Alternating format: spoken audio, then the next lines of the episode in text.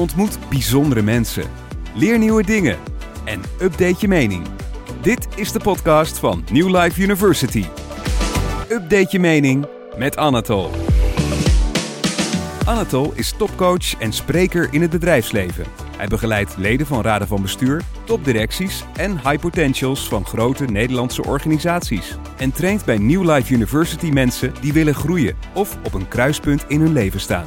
Tap in op zijn kennis en netwerk en laat je inspireren. Update je mening met Anatol. Je kunt de podcast ook beluisteren via Apple Podcast, Spotify en Overcast. Ja, wij hadden het over, eh, over eh, klimmen heel be- ook een beetje. Maar ik durf er niet te veel over te zeggen. Want ik ben op eh, een dikke 3000 geweest. Een paar maanden geleden. Ja. in Nepal. Dus toen ik me voorbereid op wat je deed, zag ik eh, iets stoerder. Erg mooi eh, wat je doet. Kun je een hele korte introductie geven? Dan heb ik gelijk een, eh, een brandende vraag. Ja, Eh, ja Katja Staartjes, klimmer, ehm, spreker. Ik heb een paar boeken geschreven en ik heb jaren als manager gewerkt. ook jaren daarna met klimmen als interim manager. En tegenwoordig naast mijn lezingen en boeken werk ik als coach voor leiders en teams. Mooi. Dat is in ieder geval iets ehm, waar we wel een, een, een linkje hebben. Ehm, kun je een parallel trekken tussen klimmen en het bedrijfsleven? Op, op alle fronten. kan, ik bedoel, ja, dat is natuurlijk ook waar ik over spreek in mijn lezingen. Mhm. En wat me in de loop van de jaren ook steeds eh, duidelijker geworden is de parallel. Op alle fronten is er eigenlijk een parallel. Het begint al bij het doel, hè, de top. Ben je überhaupt op dezelfde berg aan het klimmen? Ehm, heb je eigenlijk die top wel helder in beeld? Heb je dezelfde top in beeld tot het hele proces van het klimmen? En wat eigenlijk tot en met de top of juist omdraaien voor de top, terugkeren op je schreden. Eh, succes vieren, de afdaling. Nou ja, goed. Ehm, ja, de parallellen te over. En wat het, waarom het zo mooi is, denk ik, vanuit het klimmen, is omdat je de beelden hebt. En een beeld zegt vaak meer dan 100 woorden. En de omstandigheden zijn zo extreem. Dus je, ja, je leeft letterlijk op het scherpst van de snede.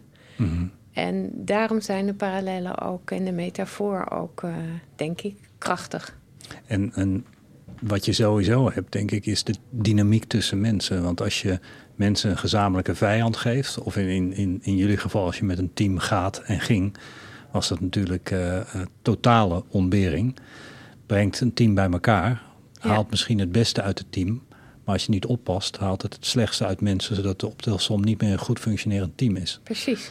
Lijkt me super cool om daarover over over te praten. Ja, ja, dat is eh, inderdaad. eh, En daar heb ik allerlei voorbeelden meegemaakt. eh, in goede en in slechte zin. Met, en ook met de grote teams, waardoor het heel ingewikkeld wordt. Wat je Mhm. ook in organisaties ziet. En waarbij je als je een klein team vormt veel wendbaarder bent. En inderdaad, het, maar het verbindt intens. En dat vind ik zelf een van de mooiste aspecten van het klimmen. Dat je zo snel verbonden raakt, omdat je afhankelijk van elkaar bent. eh, omdat je echt op elkaar moet vertrouwen. Dus je, leert elkaar heel goed kennen. En, en ook de mindere kanten. Dus die verbondenheid is voor mij heel belangrijk eh, bij het klimmen. En ja, veel mensen vragen me als eerste... waarom ben je zo gek om dit te doen? Hè? Waarom doe je dat eigenlijk? Ja, waarom doe je dit? want, het, Eh, want het is wel heftig. Want ik heb me verdiept in klimmen. Misschien heb ik het vaker gehoord, maar het is nooit tot me doorgedrongen dat als je bijvoorbeeld boven de 8000 meter gaat, je eigenlijk met de dood aan het spelen bent. Ehm, Want het maakt niet zoveel meer uit wat je daar doet boven die 8000 Nee. meter. Het lichaam houdt het maar een paar dagen vol. ja, ja, precies. dus waarom doe je dit? Ja, er is zo weinig ijle lucht. Nou, het is eigenlijk een beetje uit de hand gelopen, inderdaad. Ik ben begonnen met eh, wandelen. Ik was een hardloper in mijn studententijd. Ik ben met wat vrienden naar de Alpen gegaan voor het eerst.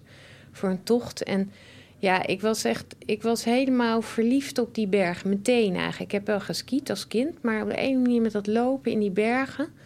Ja, de stilte, de fysieke inspanning.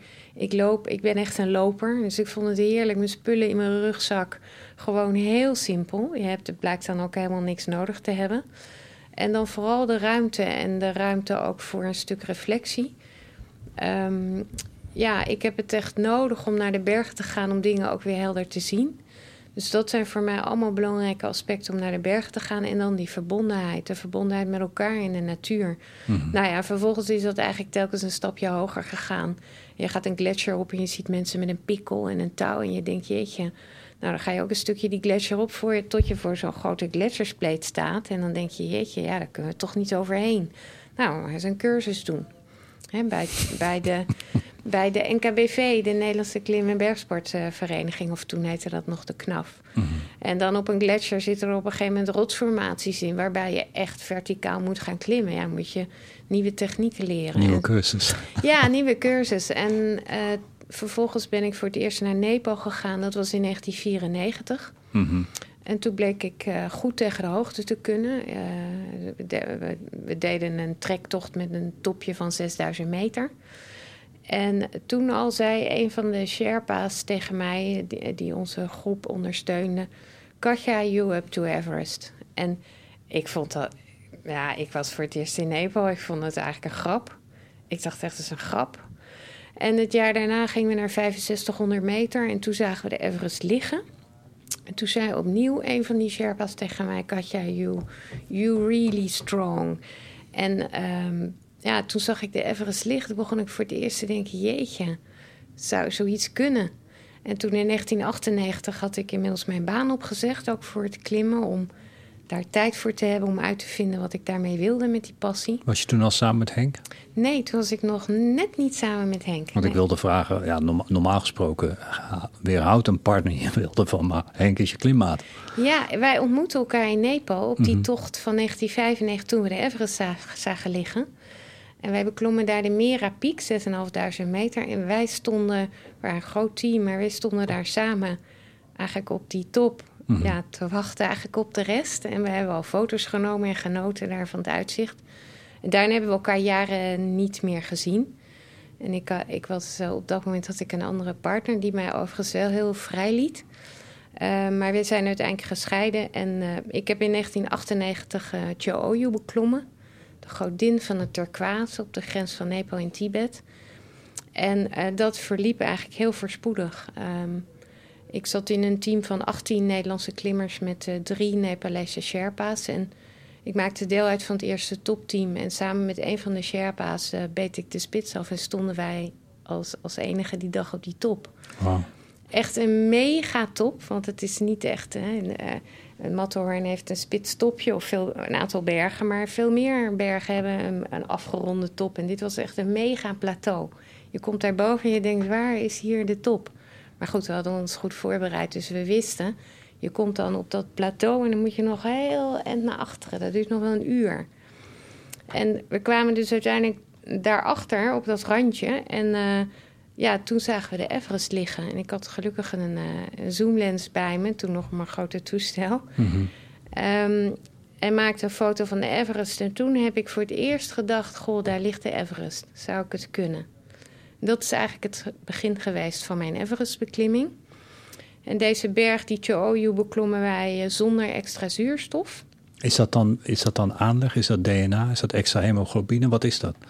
Extra rode Ehm, bloedlichaampjes? Ja, het schijnt nog steeds niet helemaal duidelijk te zijn wat maakt dat mensen eh, wel of niet tegen de hoogte kunnen. Het lijkt net eigenlijk nu ook met corona, hè, dat de ene persoon of zelfs het ene volk er gevoeliger voor lijkt dan, an- dan, dan een andere groep mensen. Mhm. Dus het is inderdaad niet helemaal duidelijk. Ik heb hele talentvolle hardlopers, triatleten gezien... die er gewoon helemaal niks van bakken op hoogte, en boven de 6000 meter... Eh, omdat het lichaam er niet tegen kan. Is dat niet een mind dingetje? Of heeft het echt te maken met het... eh, met... Nou, ik denk dat het, eh, het verschillende dingen zijn. Het is, het is enerzijds denk ik wel aanleg of genetisch. Maar verder is je mindset zeker belangrijk. Want je vroeg toen straks van... Goh, hè, je speelt met de dood op 8000 meter. Inderdaad, het is hele ijle lucht. En je kan daar dus niet in één keer naartoe klimmen. Dus als wij nu het vliegtuig nemen... wij worden afgezet op de top van de Everest... eh, zonder zuurstof, dan gaan we in 10 minuten dood. En trouwens, ook met zuurstof zou je denk ik ook niet zo heel lang volhouden. Tien minuten? Ja, 10 Wow. minuten. Dus er is maar een derde van de hoeveelheid eh, zuurstof, eh, Mhm. gezien de luchtdrukdaling, waardoor het lichaam gewoon niet genoeg zuurstof binnenkrijgt. Dus hoe kun je zo'n berg toch beklimmen? door dat stapsgewijs te doen. Dus je gaat eigenlijk, als je kijkt in de Alpen boven de 3000 meter, ga je echt al de hoogte voelen, minder zuurstof. Uh, dan moet je rustig aan doen. En dan moet je een nacht uh, uh, op dezelfde hoogte blijven. En misschien nog een dag. Een beetje rondlopen, een beetje in beweging zijn. En dan kun je weer verder. Nou, op een 8000 meter hoge berg richten we een basiskamp in. Dat is meestal rond de 5000 meter. Dan kun je nog net herstellen. En dan maken we klimrondes daarboven. Mm -hmm. En dan ga je naar 6000 meter, ga je een kampje opzetten. Dan blijven we daar een paar dagen, een paar nachten. Uh, je bent wat in beweging, je bereidt al wat voor aan de route... en je gaat weer terug naar dat basiskamp. Want als je op 6000 meter zou blijven... heb je gewoon nog steeds te weinig zuurstof... dus het lichaam gaat letterlijk zijn eigen, de eigen spieren opeten. Ik moet denken aan Kerzonziekte. Ja, ja, dat is natuurlijk dus, uh, met kun duiken. Ook, kun je ook niet faken. Je, moet, je, ja. moet, je kunt dus heel veel voorbereiden... maar zelfs daar nog ga je op en neer om je lichaam... Ja. En dat, dat geldt dus ook met klimmen. Je kan wel heel snel teruggaan, maar je moet echt stapsgewijs omhoog gaan. Dus wat je eigenlijk doet op zo'n hoge berg van 8000 meter is...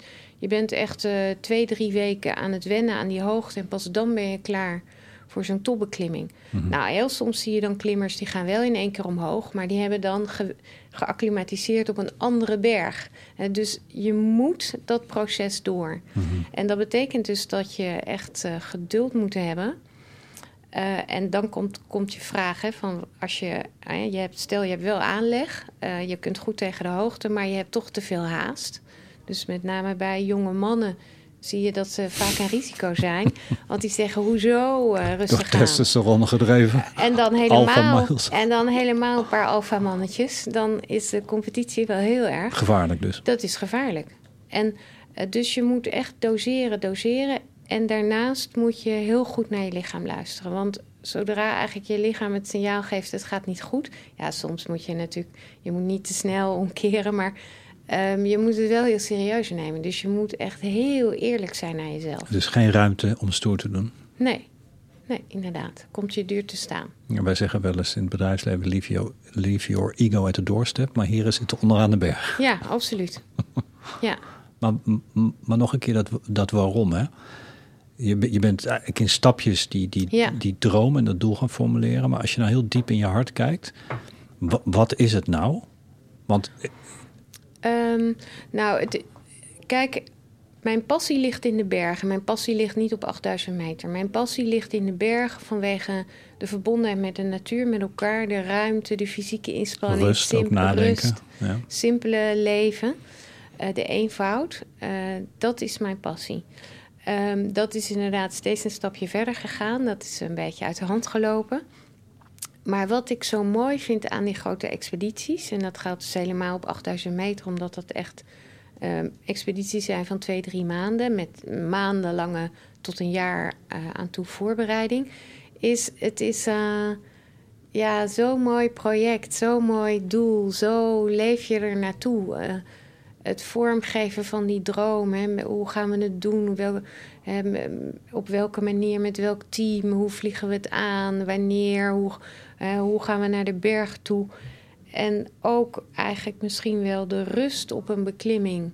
Juist dat je soms dagen vastzit in een basiskamp. Mm -hmm. Sommige klimmers hebben daar problemen mee. Ja, natuurlijk, het wordt op een gegeven moment heel vervelend. Zo'n zo'n lockdown in zo'n basiskamp. Maar tot een paar dagen. Je zit soms tot, trouwens tot elf dagen vast. Maar ik vind het niet zo erg, omdat ik moeilijk rust kan nemen. En op de een manier vind ik daar eigenlijk een rust. En het is prachtig om met een team met zo'n berg bezig te zijn. Met, met die elementen. En telkens een stap hoger te gaan. En, uh, dat heb je gedaan, want je was de eerste Nederlandse vrouw die uh, aan de top stond. Ja, op Mount Everest ja. Uh, inderdaad. Ja. ja, dat is prachtig. En was niet je doel waarschijnlijk. Je doel was voor jezelf de Mount Everest beklimmen. Ja, toen ik dus in 1998 op die 8200 meter hoge Cho'oyu stond en de Everest zag liggen, toen dacht ik gewoon misschien zou ik het kunnen. Nou, toen ben ik inderdaad drie kwart jaar later naar Everest gegaan. Ik had mijn baan toch al opgezegd. Ik had tijd zat, maar ik had natuurlijk geen geld. Maar um, uh, ja, en daarna zei, uh, maakte wat was je vraag ook weer? Je zei. Nou, je was waarschijnlijk ja. niet gedreven door nee, het precies. feit dat je, dat je vrouw was. Nee, niet dat ik vrouw was en ook niet eerste Nederlandse vrouw. Dus toen ben ik naar Everest gegaan. En in de voorbereiding kwam ik erachter dat er nog geen andere Nederlandse vrouw op Everest Mhm. geweest was. En dat was uiteindelijk voor mij een voordeel bij het zoeken naar sponsors.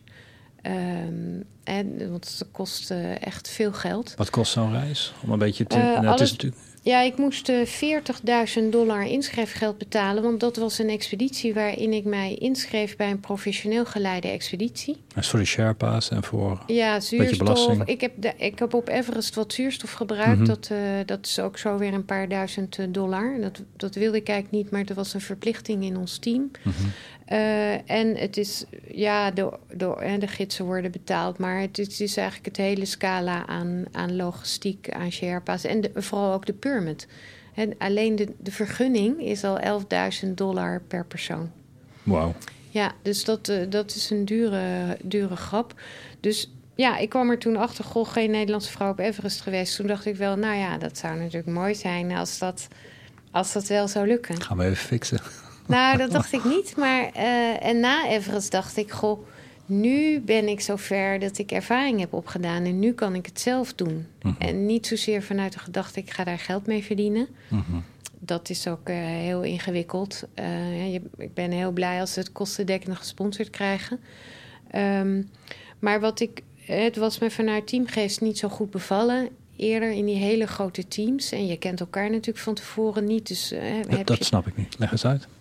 Ehm, nou, ik schreef mij. Ik wilde naar Everest gaan. Dat had ik mij bedacht. Dus ik ben eerst in Nederland eens gaan rondvragen. Ik heb Ronald Naar gebeld, die toen nog leefde. En, maar Ronald was een seconde naar Everest geweest. Dus die zei, eh, ik ga niet nog een keer naar Everest. Ik heb geen plannen. Eh, ik ben nog eens een beetje rond gaan vragen. Nou, niemand in Nederland had plannen. Dus ik kon mij niet aansluiten bij een Everest-expeditie. Ik had zelf absoluut nog niet de ervaring. En al helemaal niet het geld. Want als je dat zelf gaat organiseren, moet je nog veel meer geld hebben. Mhm. Dus voor mij was een kans om naar Everest te gaan. Om me in te schrijven bij een georganiseerde expeditie. Ja, dan moet je aan eh, eisen voldoen. Maar goed, het is toch ook een commercieel project. Dus hoe gaat dat? Ze hebben minimaal zoveel mensen nodig. Als een groep net niet genoeg mensen heeft, dan komt toch iemand langs met misschien wel niet genoeg, niet genoeg kwaliteit. Dan krijg je, krijgt een organisatie soms toch de neiging om zo iemand toe te laten. Mhm. Dus dat zijn gewoon heel andersoortige teams. En je bereidt je... Ja, we hebben wel samen geklommen in Schotland... maar niet een hele intense teamvoorbereiding gehad. Mhm. En dat was eigenlijk wel meer mijn beeld en ideaal... dat ik dat graag wilde. En na twee hoge bergen beklommen te hebben... dacht ik, nou, nu heb ik de ervaring om dat, eh, om dat zelf te gaan doen... En, en ja, zelf ook eh, bergen uit te zoeken waar minder mensen zijn. Want Everest is toch, net als de Mont Blanc, hè, een magneet. Die trekt eh, natuurlijk heel veel mensen aan. En dat is in de loop van de jaren steeds drukker geworden. Dus daarna ja, ben ik mij gaan richten op, eh, op moeilijkere bergen dan Everest. Wat lager, maar Ik denk, niet dat, ik denk niet dat heel veel mensen dat, eh, dat weten. Dat, dat- omdat Mount Everest zo'n begrip is. is eigenlijk het koninklijk carré voor Ja. performers. Dat er veel moeilijkere bergen zijn. Ja, veel moeilijker. Everest is de hoogste berg, dus je kunt niet meer hoger. Mhm. Maar eh, qua klimroute is het eh, niet zo moeilijk. Dat wil zeggen, hè, je moet je voet voor de andere voet zetten en je hebt touwen nodig. Ehm, en dan moeten de gevaarlijke gletsjerspreten over, overbrugd worden, zelfs met ladders. Maar het is niet eh, verticaal of zelfs overhangend. Dus om het zo maar te zeggen, echt rotsklimmen waarbij je aan je vingers moet hangen of aan je handschoenen. En, eh, dus het is niet zo heel stijl. Dan is het nog steeds, hè, moet je wel kunnen klimmen. Maar er zijn dus veel moeilijkere routes qua technische eh, vaardigheden. Mhm. En, eh, en die zijn er overal op de wereld. eh 8000 meter, 7, 6, 5. eh, Maar in de Alpen. Alpen, maar Pakistan, India, of Nepal, China, dat is toch wel waar de grootste. Ja. ja. Als je kijkt naar die 8000 meter hoge bergen, zijn er 14. Mhm. Die liggen allemaal in Azië. Die liggen veelal op de grens met China. Mhm. Pakistan, China, eh, Nepal, China, India, China. Ehm, eh, er is, ligt er één op de grens van eh, inderdaad Nepal, India.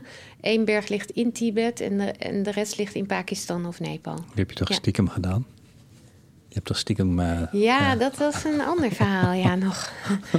ik ben samen met Henk, mijn man inderdaad, die ik ontmoette in uh, Nepal... waar wij elkaar een aantal jaren niet gezien hadden... en elkaar toen weer ontmoeten. En daarna zijn gaan klimmen samen in de Alpen. Nou goed, zo is het gekomen. Maar wij hebben een aantal hoge bergen samen beklommen... maar ook een tocht gemaakt door Nepal van 2000 kilometer na uh, een aantal hoge toppen was het, was het tijd voor eigenlijk een nieuwe droom. En uh, die tocht door Nepal, de Great Himalaya Trail, 2000 kilometer van west naar oost-Nepal, van Drielandenpunt naar Drielandenpunt, daar zijn we inderdaad een paar dagen illegaal door Tibet gegaan. En dat was een van, nou überhaupt die tocht, is misschien wel het grootste avontuur wat we hebben ondernomen. Was het bijzonderste wat je daar hebt meegemaakt? meest bijzonder? Oh, zoveel aspecten. Ja, wat maar, zag je voor je? Oh, um, nou, toen we het eerste drie landenpunt wilden bereiken in het westen van Nepal. Uh, we vertrokken in 2010 in augustus was nog de moesson. Mm -hmm. Toen liepen we eigenlijk meteen vast uh, na, een, uh, na ruim een week in het water, letterlijk. We, we, konden gewoon niet verder omdat onze route overspoeld was. Gigantische moesson, dus dat drie landenpunt was helemaal niet bereikbaar. Nou, vervolgens een paar dagen later brak Henk zijn sleutelbeen. Nou, dat was ons nog nooit eerder gebeurd, dat we geëvacueerd moesten worden. Dus zijn teruggegaan naar Nederland.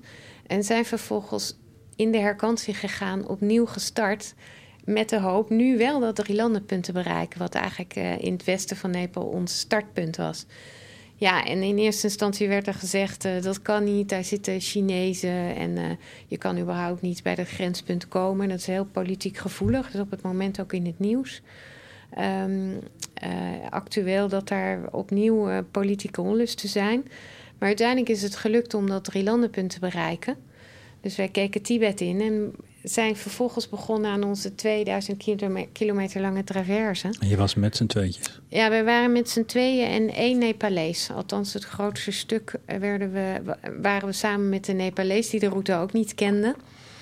Uh, ik had alles voorbereid vanuit Nederland met kaart, GPS. Geen Google Maps nog? Nee, dat was toen nog lastig. Want Ja. we zoomden in op dat gebied, maar omdat het politiek instabiel is, kon je niet inzoomen. Was geblurred. Ja, was geblurred. En eh ehm, Chiri, zo heet die eh Nepalees, eh, die, ons, die, die met ons mee was. eh, voor hem was alles nieuw. Eh, die kende het Everestgebied, het Annapurna-gebied, gewoon drie bekende gebieden in Nepal. Maar hij sprak wel de talen en kende de cultuur. En hij is echt goud waard geweest ehm, in onze hele tocht. Want je vroeg ook verder wat zijn bijzondere aspecten. Nou, dus dat was uh, dat drie landenpunt, die periode in Tibet, maar vooral ook uh, in de wat lagere gebieden, in de jungle, vaak ook al in de bergen, uh, waren toch ook nog wel wat dorpjes of was bewoning. Ja, en daar konden de lokale mensen ons wel vaak tips geven over de route. En Chiri kon met hun praten. En vooral waren wij overal welkom om te, ja, om te overnachten, om te eten, om te zijn. Echt nou, dat is uh, echt een geschenk geweest. Neem je dan geld mee op zo'n reis of heb je aan geld niks? Moet je alles uh, vragen en of krijgen? Nee, zeker heb je geld mee. En ook dat is echt wel een forse voorbereiding om uit te rekenen van hoeveel geld heb ik eigenlijk nodig. Dus, budgetteren. Ja, budgetteren, ja, letterlijk, want je kunt niks opnemen natuurlijk. Uh, en die mensen zeggen in eerste instantie: nee, je hoeft niet te betalen als je bij ons slaapt. Maar wij willen hun zeker betalen, want dat, het, zijn heel vaak uh, zijn de mensen in armoede. Zo voelen ze het zeker niet altijd, maar ze hebben echt weinig middelen. En moeite om rond te komen. En dus wij betaalden hun altijd. Ja. Mm -hmm. En daar zijn ze dan uit, vinden ze moeilijk om aan te nemen, maar ja. uiteindelijk is het natuurlijk toch fijn. Ik heb een vraag. Ja. Ik, ik, ik ben uh, in China geweest, heb ik rondgetrokken. En sommige gedeeltes van de Chinese muur mocht je slapen, of zijn en sommige niet. Nou, je raadt het al. We waren in een dorpje met z'n tweeën. Zijn de Chinese muur opgelopen. Maar in het dorpje hadden ze uh, uh, van die klaperten. Ik weet niet of je die dingen in een zakje kent. En als je die dan gooit, dan klappen ze. Het is een of ander zeg maar speelgoedje voor, voor kids. Dus ik had wat klaperten meegenomen. Want ik vond het best wel spannend op de Chinese muur. Want ik had wat wilde verhalen gehoord. En um, we hebben daar geslapen. En ik had al die klaperten om ons heen gelegd. Dat als er iemand zou komen, op die klaperten zou, zou stappen. En dan zou het knallen. Zodat ik dan zou weten. Nou ja, goed. Ja. Uh, waarschijnlijk helemaal niet nodig. Maar, maar de vraag die kan je wel stellen. Ik vond het hartstikke spannend omdat ik toch in, in een gebied was dat ik niet kende. De Chinese muur, groot land. Uh, je komt uh, met je Nederlands paspoort. Hoop dat dat allemaal goed gaat. En dan ga je ook nog op een plekje zijn waar je eigenlijk niet moet zijn. Ja. Dus je weet niet wat er s'nachts gebeurt en wat voor dieren er zijn. Ja. Achteraf bekeken misschien niet de meest slimme actie, maar wel veel van geleerd, zeg maar. Ja. Heb je dat soort momenten ook niet? Als je, als je 2000 kilometer door een gebied loopt, dan moet je toch hier af en toe ook op je hoede zijn? Of, of was dat helemaal niet het ding? Um, ja, zeker. Nou, ik had er geen last van als we in de tent lagen, uh, ook op een berg, niet dat ik uh, dan bang ben. Mm -hmm. uh, althans niet voordat er iemand mijn tent inbreekt of zo. Het is wel zo dat we in sommige gebieden, um, of in bepaalde dorpjes, dat we de, ook de schoenen binnenhaalden. Want die worden inderdaad nog wel eens meegenomen, omdat schoenen, ja, daar kunnen de mensen natuurlijk wel iets mee. Maar ja, als je schoen wordt weggehaald, dan kun je dus gewoon letterlijk eigenlijk niet meer verder. Want Nee. wij zijn niet gewend om op blote voeten te lopen. Uh, dus daar had ik eigenlijk geen uh, last van. Ik vind uh, wilde dieren niet zo'n prettig idee. En wij waren inderdaad één keer zijn we echt verdwaald geweest. Uh, in dat echte westelijke, onontgonnen stuk van Nepal, echt waar helemaal geen enkele toerist komt. En daar zaten we echt in een oerwoud met, uh, nou echt een afschuwelijk oerwoud. En toen begon het verschrikkelijk te regenen. En we zaten al lang niet meer op het pad. Uh, dus wij moesten ons echt aan bomen vasthouden om beneden te komen. En daar kwamen we in allemaal rivieren. Maar ja, op een gegeven moment ben je nat en maakt er niks meer uit. Dus we moesten onze, tot onze heupen door die rivier. Um, en nou ja, op een gegeven moment zijn we gaan kijken, waar zitten we nou? Waar moeten we zitten met de GPS? En op een gegeven moment hadden we zoiets van, nou, die kant moeten we op. En toen, um, het was inmiddels uh, bijna gestopt met regenen. En toen zagen we verse sporen. En ik dacht, ah, dat is mooi, hier zijn uh, mensen, hier zijn mensen geweest. Maar we werden snel uit die droom geholpen, want wij hadden op dat moment een lokale jongen ook bij ons. We waren met z'n vieren en met die Nepalees. En... Uh, die lokale jongen zei meteen, en Chiri ook, uh, dit zijn verse sporen van een beer. Oef. En, ja, en geen knuffelbeer. Nee, en ik, uh, ja, ik ben toen echt, geloof ik, twee uur lang, uh, of in ieder geval een half uur lang, heb ik gewoon, was ik echt panisch daarover. Ja, want voor de goede orde, beren zijn meestal niet lief. En dat zijn, nee. dat zijn moordmachines. Ja, en, en die moorden ook langzaam. Ja, en ik, nou, ik heb echt gewoon, ik moest op een gegeven moment hyperventileren. Dus we zijn op een gegeven moment gestopt, want ik had daar echt uh, als enige zoveel last van. Henk niet en, en de twee Nepalezen al helemaal niet. Dus uh, ja, toen was het echt heel fijn om in een team te zijn. Uh, waarin ik gewoon toen weer rustiger werd. En uiteindelijk is dat allemaal goed gekomen. Wij zijn overigens wel die nacht ergens gaan slapen. Uh, echt in de bush. Hè, maar toen werd het zo donker en we waren zo kapot. Dus ze hebben op een gegeven moment ergens de tent neergezet. We dachten, nou, nu zijn we er wel bijna uit. De volgende ochtend om zes uur kwam iemand langs met zo'n geweer. En die zei letterlijk, wat doen jullie hier? Jullie staan hier in, op een heel gevaarlijk stuk. Nou, toen hadden we uitgelegd dat we verdwaald en dat we niet verder konden. En uh, nou ja, goed, dus... Uh, Die ging inderdaad uh, op berenjacht.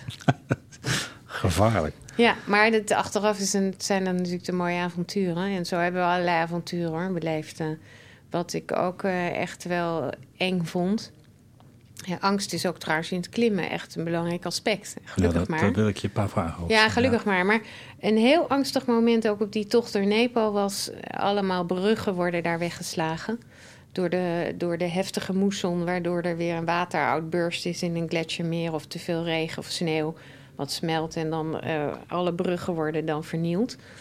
Uh, dus er is nogal eens een brug verdwenen en dan moet je toch een oplossing bedenken. Of niet oversteken of door de rivier. Maar er worden ook nogal eens bomen gebruikt. Dus kwamen echt letterlijk Katje, bij. Je praat erover alsof gewoon in Amsterdam even een weg is afgezet. Dat je even een detour neemt. Maar dit is weer leven en dood in sommige nou situaties. Ja, echt. Ik, ik we moesten een rivier over, over een spar.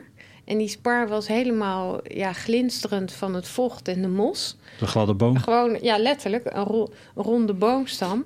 Nou, ik weet zeker als hij bij ons in de tuin had gelegen en was het droog, dan was ik er. Ik heb vroeger geturnd. Eh, veel eh, was ik er zo overheen gerend. Maar er zat dus een gletsjerrivier onder. Het was op 5000 meter. Echt met ijskoud, giegkolkend water. En ik ben, ik ben niet zo op mijn gemak eh, in water. Dus ik was echt, ik was echt ook hier, dat was de tweede keer op die tocht. twee keer ben ik in paniek geweest. Ik dacht, hoe kom ik hier overheen? Dat was de enige weg. Ja, dat was de enige weg. En die Nepalezen, die zijn dat gewend. Vanaf hun eh, vierde, derde jaar gaan ze over bomen. En zoals wij leren fietsen. Hè, Chiri is ook in Nederland geweest. We hebben, letterlijk, we hebben hem op een fiets gezet. Je hebt hem teruggepakt. Hij wist niet goed hoe hij moest fietsen. Dat kunnen wij ons gewoon niet voorstellen. Maar zij begrepen niet waarom wij daar niet overheen kwamen. Of althans, ik had er echt moeite mee. Ik was echt panisch van dat water. Dus uiteindelijk, uh, Chiri is gewoon nog twee keer naar de overkant gerend. eh, rugzakken opgehaald. Toen is Henk er op zijn knieën overheen gegaan. En ik, ja, ik ben uiteindelijk aan de hand van een van, eh, v- van Chiri... ben ik uiteindelijk naar de overkant gekomen. En dan loop je dus op een gladde spar. Ja, En als je naar beneden kijkt, zie je. ja wat? Je voelt hem weer. Ja, op Everest zijn we, moesten we ook een ladder over. Nou, over een gletsjerspleet. Waren niet één ladder, maar drie ladders aan elkaar. Moet je je voorstellen, drie ladders aan elkaar. Eh, en het probleem was dat die niet naar beneden een beetje doorzakte, maar een beetje zo, opzij. En daar zat dus een gapend, gapende spleet onder me. Echt, ik weet nog steeds niet hoe diep die is. Ik kan wel 100 meter. Het was één grote zwarte gapende muil. En moest, ik ben dus vier keer over die ladder gegaan heen en vier keer terug in de klimrondes. En elke keer dacht ik, ik eh, doe het niet. En ja, hier zie je dan dat eh, angst kan je belemmeren, maar je kan je soms ook over je angst heen zetten. Dus met klimmen is het belangrijk om er heel goed naar te kijken. Hè? Nou, leg, leg eens uit. Dus je lichaam is super bang. ja, En dan heb je je stemmetje in je hoofd. En dat helpt waarschijnlijk ook niet mee. nee. En dan? Hoe herpak je jezelf en wat doe je dan precies? Nou, wat ik doe is, eh, ik heb het, ik was, had het bij deze ladder, maar ik kon me hier herpakken, want ik ben eerst gestopt. Ik ben stilgestaan voor die ladder. Ik heb me gefocust op die ladder. Ik heb gedacht, oké, als ik hier niet overheen ga, dan eh, ja, kan ik niet verder klimmen. En als je aan de overkant staat, moet je terug, dus moet je er ook overheen. Ehm, en toen ben ik toch, heb ik me eerst geconcentreerd op mijn ademhaling, op mijn voeten en, en tegen mezelf gezegd, ik kan het. Ik, eh, ik, ik, ik, ik kan het. Ik vertrouw op jezelf. Ik, waarbij ik niet wil zeggen, zeg dat altijd tegen jezelf. Want soms is het gevaar, zeker in de bergen, te groot. Maar er zijn denk ik best veel situaties waarin je eigenlijk misschien te weinig zelfvertrouwen hebt. Ook in het dagelijks leven kan het natuurlijk zijn waarbij je ja, even een zetje moet krijgen of de stap moet maken. Ik heb daar een vraag over. Ja. Ik heb best wel in de ogen van andere mensen enge dingen gedaan. Dus ik ben uit vliegtuigen gesprongen, bungee jumps gedaan. Ik heb ongeveer 900 meter onder de grond in mijnen rondgekropen. Ehm, ja, ik, ik, eh, op de Chinese muur geslapen en ik vergeet nu heel veel raar oh, scuba diving gedaan op plekken waar je dat eigenlijk niet moet doen. In mijn kleine wereldje be- behoorlijk heftige dingen. Maar wat ik dan zelf deed, als de angst bijna de overhand nam, dan zei ik tegen mezelf: als iemand anders het kan, dan kan jij het ook. En dat is een van mijn laatste strategieën als ik moeilijke dingen doe, want ik zoek moeilijke dingen op. Ja. Ehm, niet als thrill seeker, maar gewoon om, de, om, om het spel van je eigen mind te leren kennen. En als coach trainer vind ik dat ik het moet doen, omdat ik daar ook een voorbeeld kan geven. Maar ik heb dan een heel simpel trucje. Want ik kan dan zeggen, "Pff, anderen hebben het ook gedaan. Dus jij kan het ook. Maar ik weet zeker dat jij in situaties terecht bent gekomen waar je zoiets niet eens kan zeggen, want het klopt niet, omdat je het de eerste keer doet.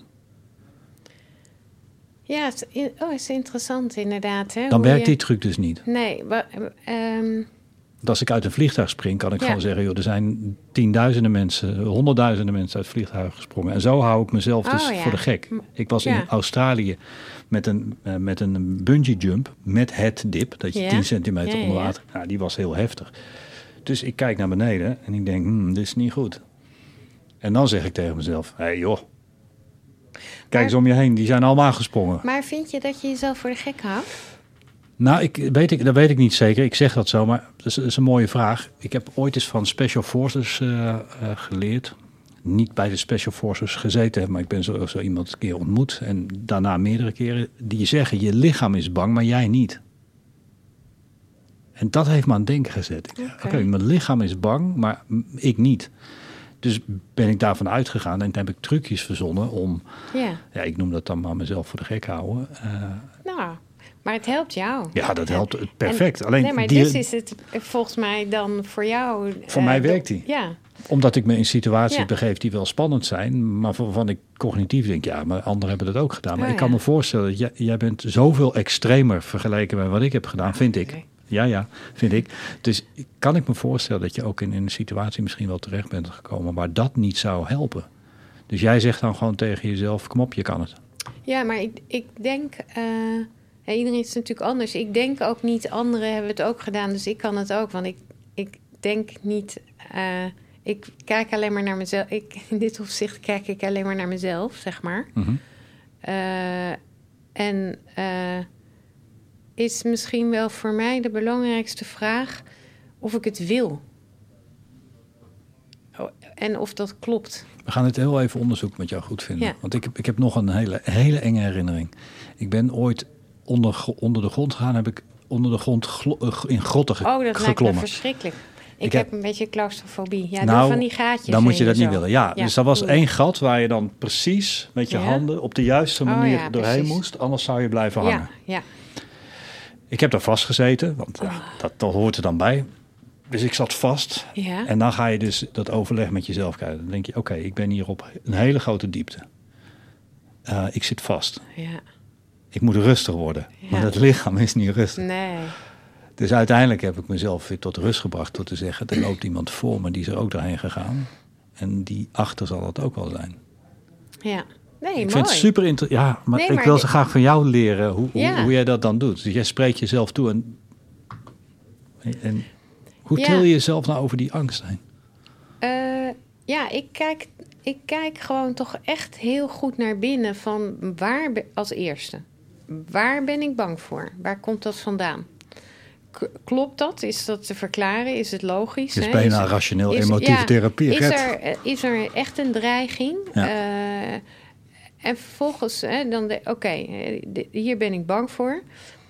En vervolgens probeer ik eerst rustig te worden. Hoe? Ja, door te stoppen met alles. Gewoon stoppen, aarde. Of als je in een route hangt, zorgen dat je... ik zie nog steeds die drie ladders met een zwart gat waarvan je... Ja, nou ja, Hoe doe je dat? ja nee, dat doe ik, nee, dat doe ik daarvoor voor ik begin. Ah, Niet op, de, nee, niet op die ladder zelf. oh, zeg. leg uit, leg uit. Nee, ik sta daarvoor en ik denk, ik ben... Dus ik moet eerst daar rustig worden. En als ik dan uiteindelijk tot de conclusie kom... Oké, ik ben bang voor die ladder, want die wiebelt. Ik kan er afvallen. eh, eh, het is een gat, ik zie niet wat eronder zit. En dan vervolgens vraag ik mezelf af... eh, wil ik hier overheen? Ja, ik wil hier overheen, want anders is de beklimming ten einde. En dan is de vraag, kan ik er overheen? En dan ja, dan probeer ik gewoon te kijken of ik het kan. Of ik denk dat ik het kan. Ja, en ik ga meestal eigenlijk alleen maar iets doen als ik eh, daar best wel zeker van ben. Dus ehm, ik zou misschien wel meer risico kunnen nemen, maar ik, ik wil daar wel echt een goed gevoel over hebben, zeg maar. De, de dame die weet ik hoeveel enge bergen Ja. heeft geklommen. Maar ik vind het mooi om van, van jou te horen. Want de meeste mensen, Mie Mie in Kluis, die lezen dat allemaal in boekjes. En jij doet, jij doet dat gewoon. En het is toch prachtig hoe je het allemaal eigenlijk relativeert. Maar Ja. het is toch vaak leven of dood in de ogen van anderen. Ja, zeker ja.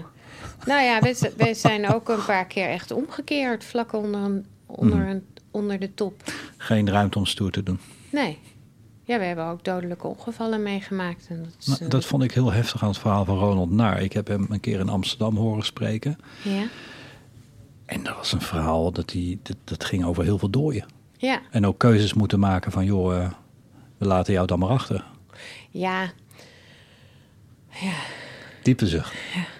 Oké, hoe- hoe- Skip, hoe vind je dat als je, als je mensen ziet die het niet hebben overleefd? Betrek je dat direct op je team en op jezelf? Eh, ja, zeker. Het is een, natuurlijk het is een aspect van het klimmen. Maar ehm, kijk, en Ronald is natuurlijk... Of natuurlijk, Ronald was wel echt een, een stoere Zo'n stoere klimmer, zeg maar. Ehm, maar er wordt ook wel heel veel nadruk altijd gelegd op dat verhaal van doden en dat je mensen achterlaat. Kijk, ehm, ja, wat moet ik ervan zeggen?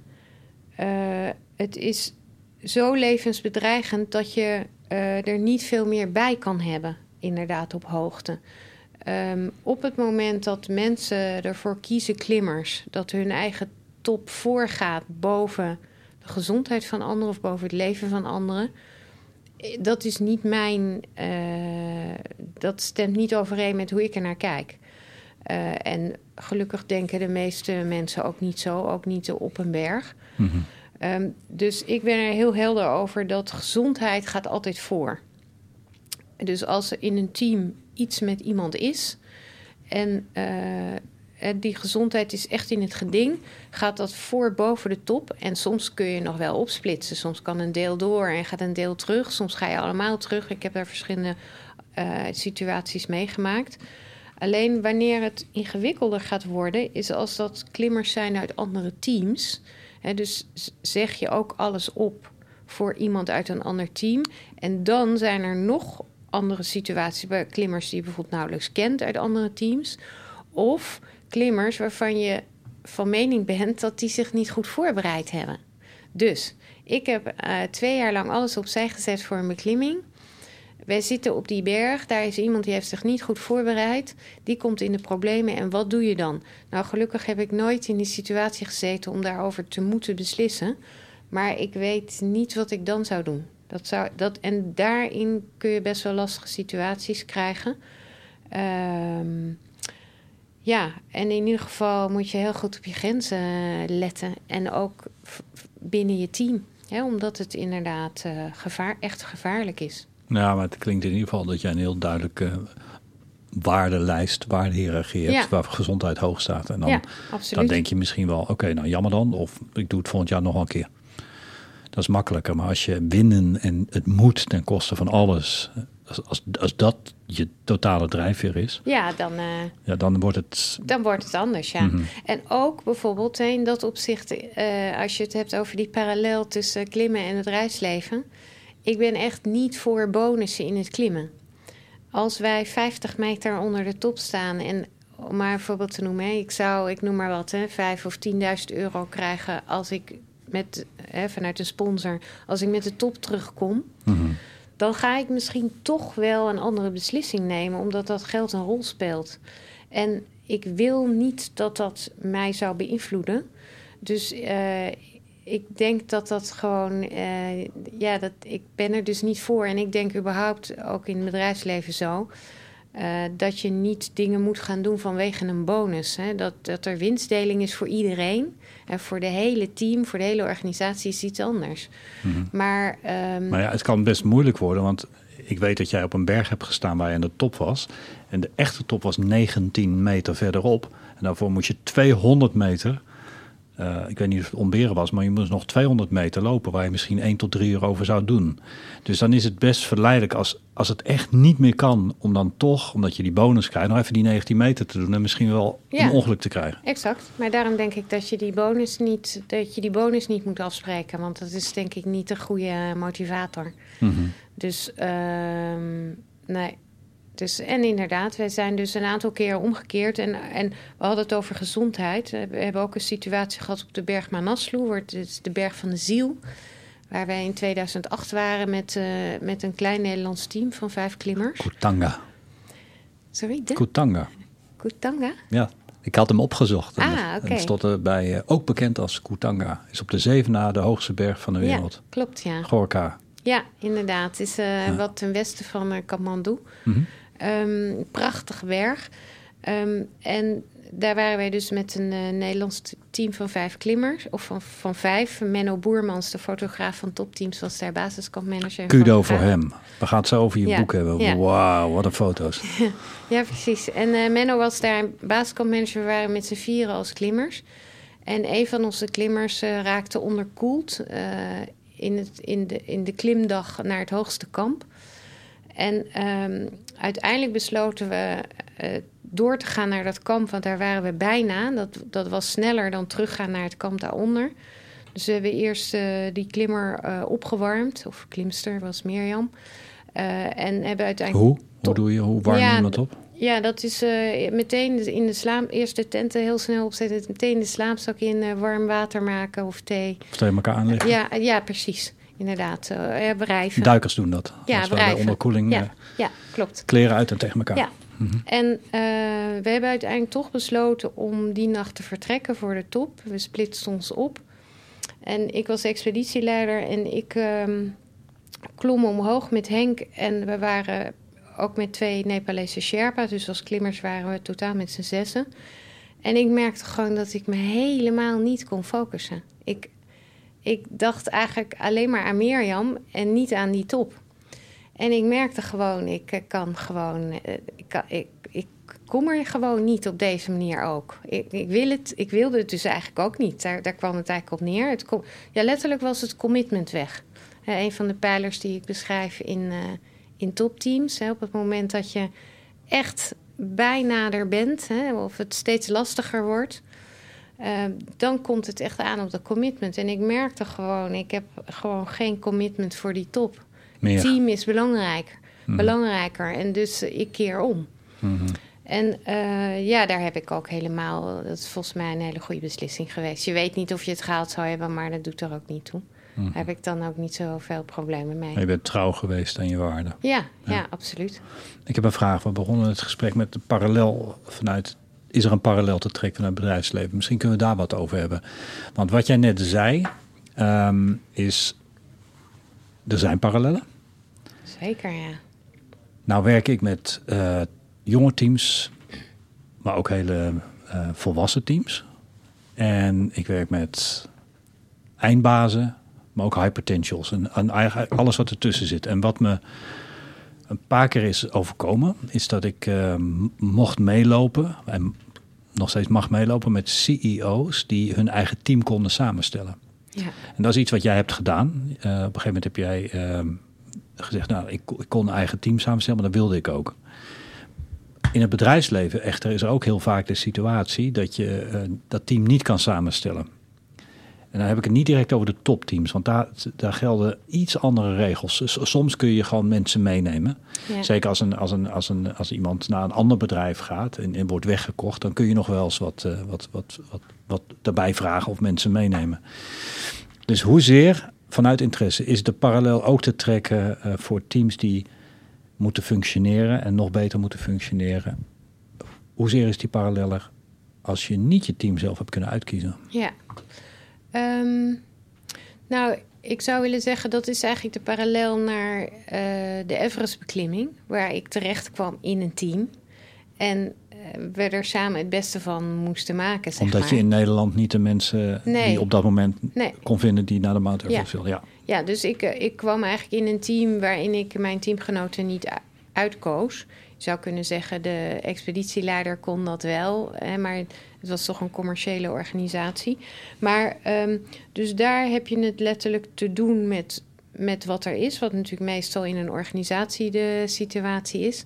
Op een gegeven moment gaat er één iemand weg en dan, hè, dan kun je iemand anders aannemen. Mm -hmm. Wat ik er. Um, wat ik graag wilde was vooral met kleinere teams gaan klimmen. Want ik merkte in die grote teams. Hè, ik was uh, op Everest met. Uh, waren wij met z'n 18 en op die berg daarvoor, Cho'oyo, ook met 18.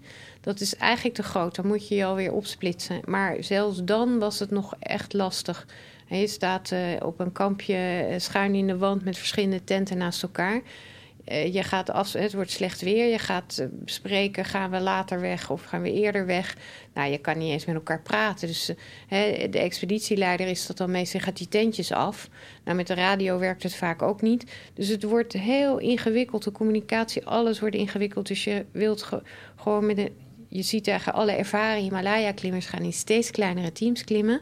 Zelfs naar twee, drie, vier, vier klimmers. Mm -hmm. Dus dat is wat ik heel graag wilde.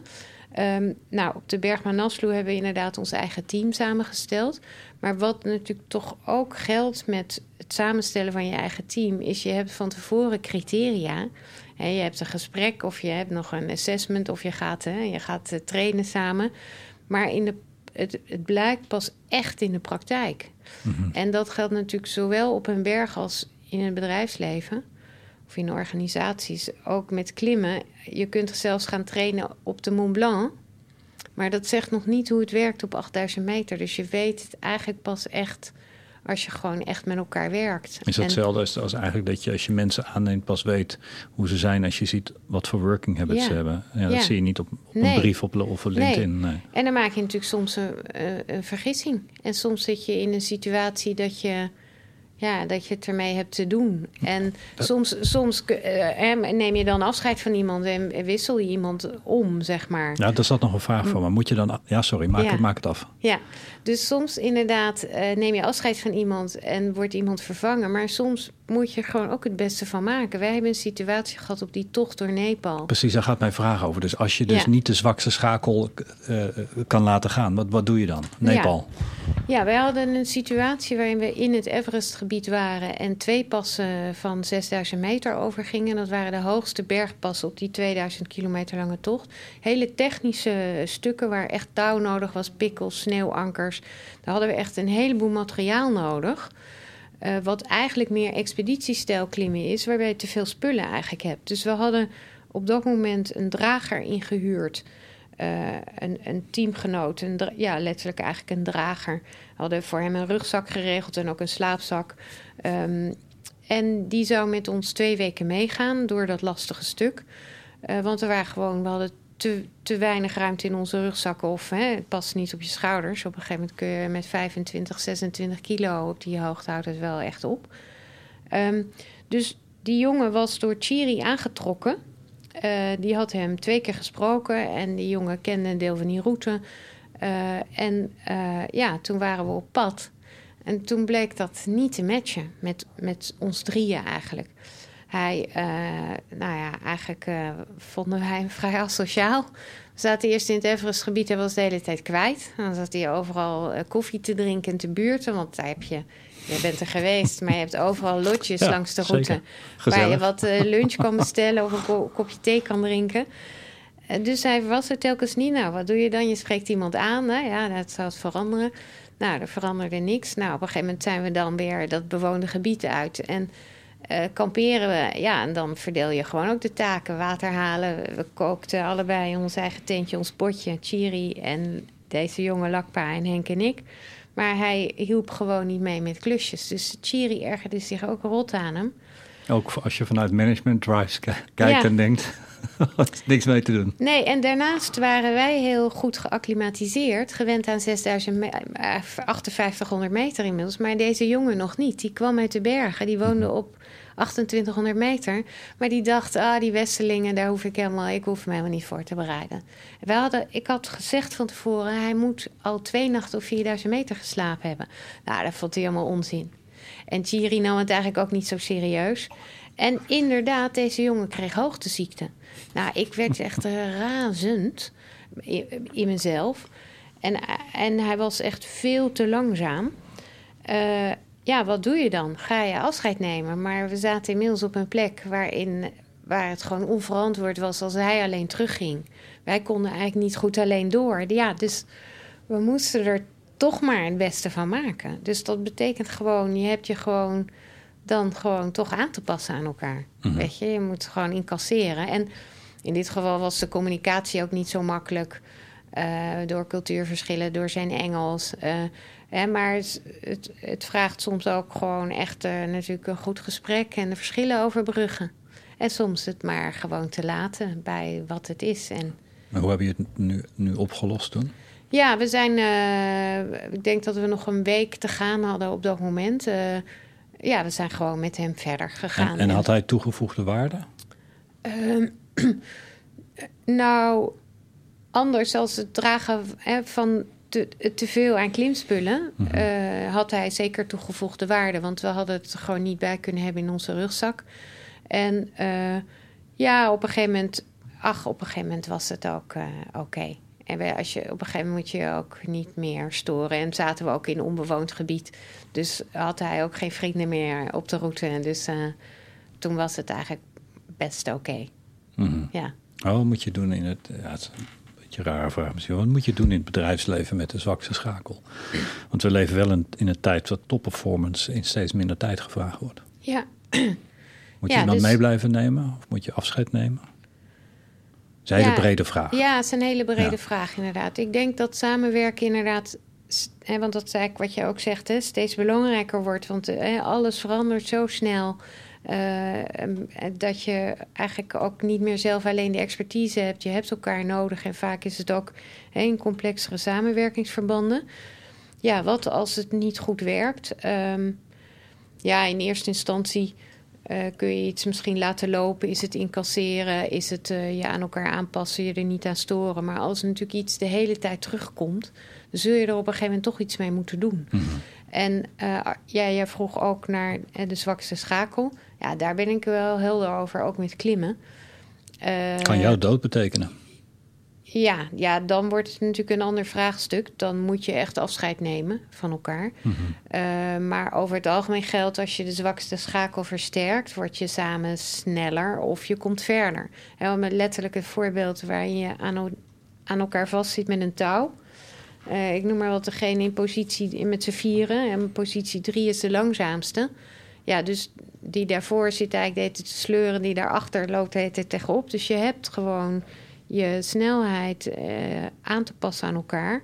Als toch blijkt dat er de hele tijd één persoon eigenlijk het zwakste is, wat helemaal niet erg is, want dat is altijd natuurlijk zo met vier mensen. Er is altijd één de zwakste. Ja, is altijd één de zwakste. Is de vraag van, goh, eh, passen we allemaal het tempo aan of kunnen we bij die persoon iets uit zijn rugzak halen? En dan stoppen we bij de andere erin.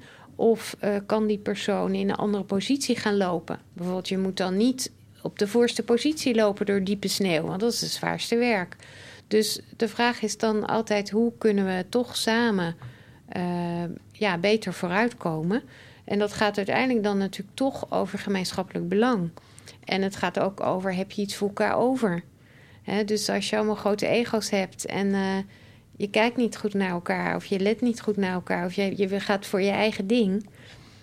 ja, dan is de vraag, kom je er uiteindelijk dan samen wel? Dus klimmen vraagt ook uiteindelijk echt iets voor elkaar over hebben. Incasseren, je aanpassen... Ehm, Zeker niet altijd alles bespreken, want hoog op een berg heeft dat ook geen zin. Dan kun je beter in basiskamp doen. Of misschien soms met Henk denk ik, nou, dan moeten we het thuis nog maar eens over hebben. Dat eh, heeft hij uh, überhaupt maar even liggen. Ehm, maar uiteindelijk eh, is het vooral, denk ik, verschillen overbruggen en elkaar toch accepteren. Want je kunt elkaar meestal toch niet veranderen. Nee. Dan zou je het wel willen soms. Mhm. Ja. Parallel aan, eh, aan het boek wat ik van je heb gelezen, heb je eh, zes grote, grote onderwerpen. Ik denk dat we het hebben gehad, in ieder geval over, over het, het gemeenschappelijke doel. Hè? Dat, dat is, Ja. eh, betekent een gemeenschappelijk doel dat het een doel is waar iedereen voor gaat? Of is het, ehm, ik moest daarbij denken aan, ehm, aan een, eh, een, ik weet niet of het echt gebeurd is, maar het is een mooi voorbeeld. Een, een busreis ergens door Egypte. Er zaten 30 mensen in de bus en er moest overlegd worden Ja. waar ze heen gingen. En toen gingen ze met z'n allen op voor een consensus. En toen zijn ze met z'n dertigen dat gaan doen. Ja. En daarna werd gevraagd eh, individueel wat ze ervan vonden. Niemand vond het leuk. Nee, dat is ingewikkeld. Maar begint het met, met een gezamenlijk doel? Ja, ik denk dat het daar toch wel begint. Mhm. Als je letterlijk, om in de bergmetafoor te blijven, als je op verschillende bergen klimt, dan kom je er überhaupt niet. Mhm.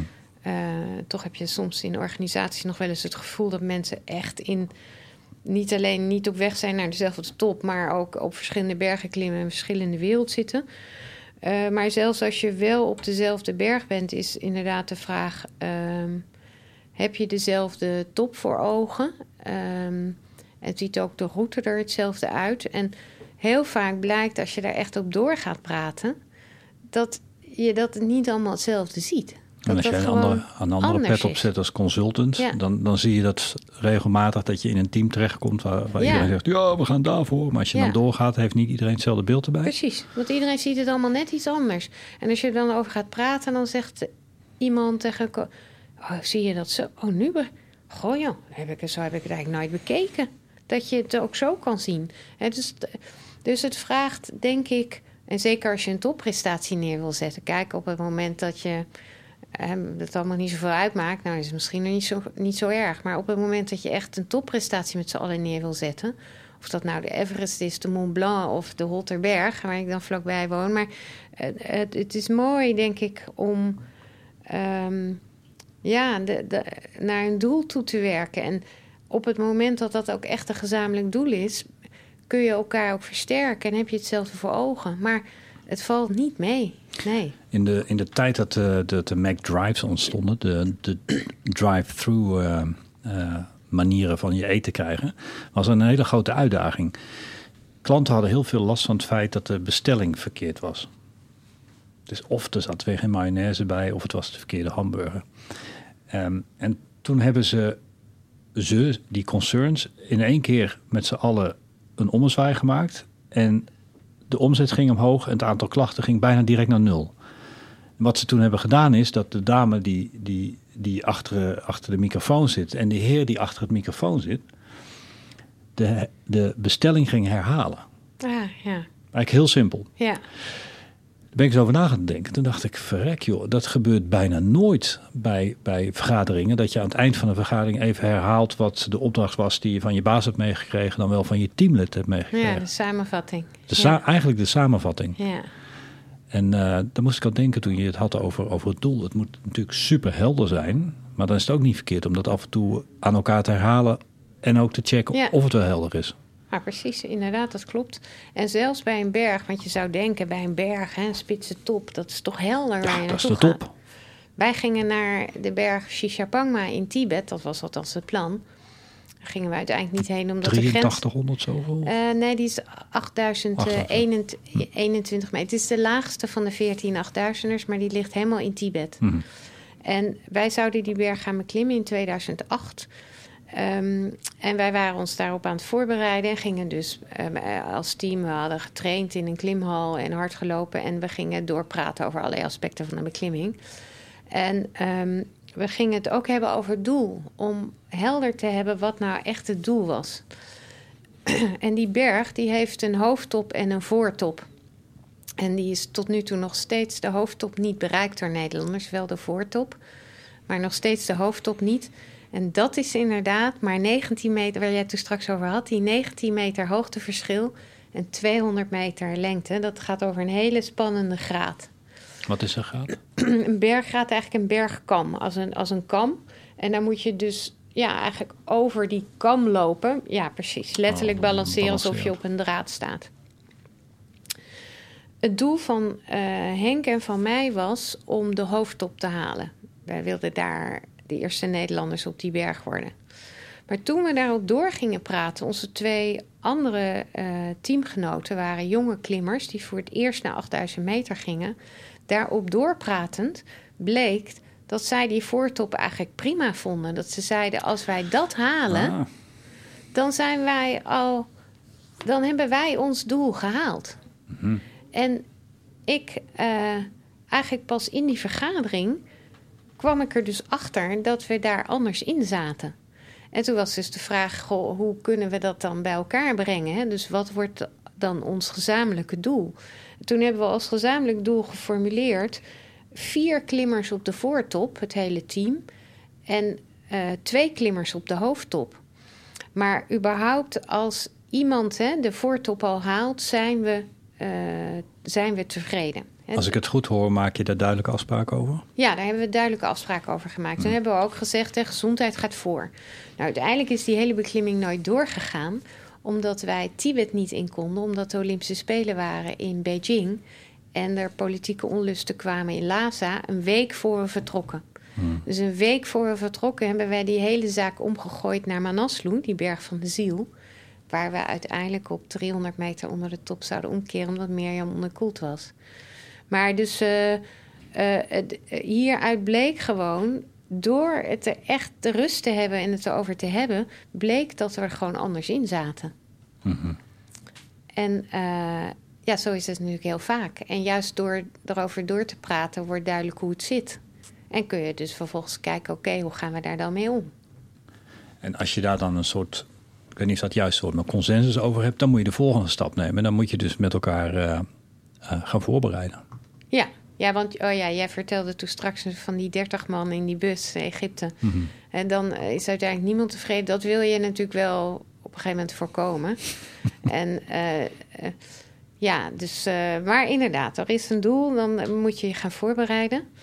Ja, voorbereiding is wel, denk ik, het halve werk, zo niet drie kwart van het werk. En, en wat dat... is, mag je wat vragen, wat is voorbereiding in, een, in, in het bedrijfsleven? Uh, ik zou willen zeggen, voorbereiding in het bedrijfsleven is je basis op orde hebben. Dus de werkplekken. Betonbasics. Ja, de systemen. Uh, gewoon, hè. En als je basis niet op orde is, gewoon maar even iets heel kleins. Hè. Dan is de koffie, koffie is echt niet te drinken. Nou, dat, dat, dat is, zo langzamerhand is dat volgens mij wel bijna overal uitgebannen. Maar dan kost dat uiteindelijk, denk ik, motivatie. Is gewoon zonde. Je moet gewoon zorgen dat je mensen fijn kunnen werken. Mhm. Een goede werkplek hebben. De sfeer goed is. De voorzieningen, de faciliteit. Nou, eigenlijk de basis op orde. Faciliteiten, dat die systemen, je, je computersystemen, dat de boel gewoon werkt. De basis. Mhm. En dat vraagt vaak veel meer energie dan je zou denken. En meestal heeft het ook niet de aandacht van topmanagement. Want ja, weet je, het gaat toch over de basis. Maar daar begint het wel. En daar is het ook vaak helemaal niet op orde. Nee, en dus daar is denk ik nog heel veel te doen. Mhm. Ja. Gewoon de betonbasics voor elkaar, de basis op orde. Want Ja. anders kun je niet aan je reis beginnen. Nee. En vooral ook blijven benadrukken hoe belangrijk de dragers zijn, zeg maar. En dus wij hebben heel vaak ondersteuning van de dragers naar het basiskamp, naar de voet van de berg. We hebben ook eerder met Nepalese en Pakistaanse klimmers geklommen, maar daar klommen we mee in gelijkwaardigheid. Dat waren niet onze dragers. Maar de dragers die helpen onze spullen naar het basiskamp te brengen. Als zij er niet zijn, kunnen we niet eens beginnen met de beklimming. Dus je kan niet genoeg benadrukken dat je dat samen doet. In het basiskamp worden we ondersteund door een kok. Die is goud waard. Die klimt niet mee. Maar als wij terugkomen van vier dagen uh, op de berg te zijn geweest, we komen kapot terug. Dan wil je snacken. Oh joh, dan hoeven wij niet eerst ijs te gaan hakken. Er is al water gekookt. Er is al, staat al een warm sapje klaar of thee of koffie. Dat is zalig.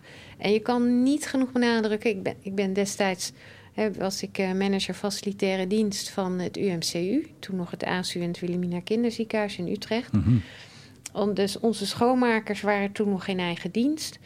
Ja, zonder de schoonmakers ben je er nergens in een ziekenhuis. En helemaal nu in die coronatijd blijkt dat nog weer duidelijker. Hè, hoe belangrijk die ondersteunende functies zijn. En je kan denk ik als topmanagement niet genoeg benadrukken uh, dat je dat allemaal doet. En dus in dat opzicht denk ik ook bonus voor de top. Of er is dan nu ook een ziekenhuis in beeld waar ook leidinggevenden na aanleiding van de corona bonus hebben gehad. Of het ziekenhuis zegt nee, het is geen bonus. Hè? Het is een uitbetaling van extra uren. Ja, je, je kan het gewoon niet genoeg benadrukken. Mhm. Dat iedereen daaraan bijdraagt. Echt toe doet. Ja. ja. En je hebt het al gehad over het, over het team. Hè? Dan weet je waar je naartoe, naartoe wil. Maar dan moet je, moet je kunnen schakelen met het team wat er al is. Of je moet je team samenstellen. En dan kom je heel erg op verschillen terecht. Ja. En de topteams waar ik mee mag werken zijn topteams die bestaan uit zeer verschillende mensen. Uh, en dat vond ik in het begin best wel gek. Want ik dacht, ja, dat, inst instinctief zoek je eigenlijk mensen uit die een beetje hetzelfde zijn. Maar de echte grote leiders, die durven mensen om zich heen te verzamelen die echt anders zijn. Ja, Um, denk ik ook. mag ja. je twee dingen daarover vragen? Kun je daar iets over vertellen, over die verschillen? En kun je iets vertellen over groepsgrootte? Je hebt al iets van gezegd. Hè? Je Ja. twee, twee keer eh, met 18 mensen. Ja, De trend is steeds kleiner. ja, Wat zou je in een uh, gemiddeld bedrijf, brede vraag, ja, aan groepsgrootte aanraden om een topteam ja. samen te stellen? Nou, als eerste dan die, die grote. Ik, uh, ja, ik pleit inderdaad voor kleine teams. Uh, omdat je wendbaarder bent, om met name omdat het communicatieproces makkelijker is.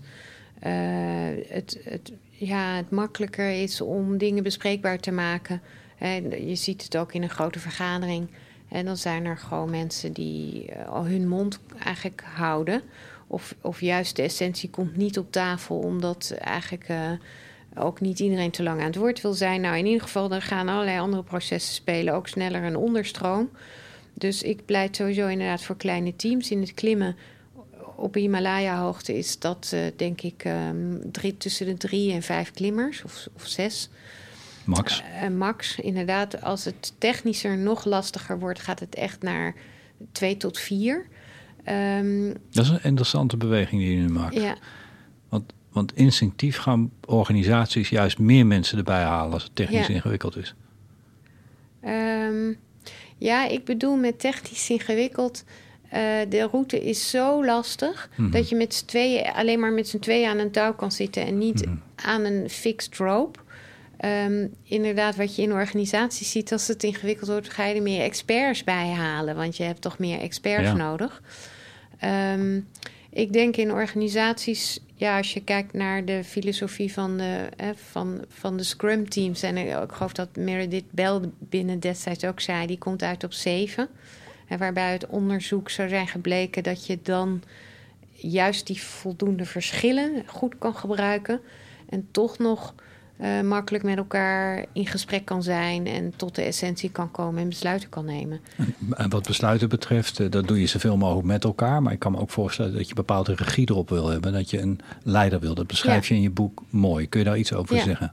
Wat is een leider? En Ja. waar moet een leider aan voldoen? Ja, En ehm, moet er wel een leider zijn? Ja.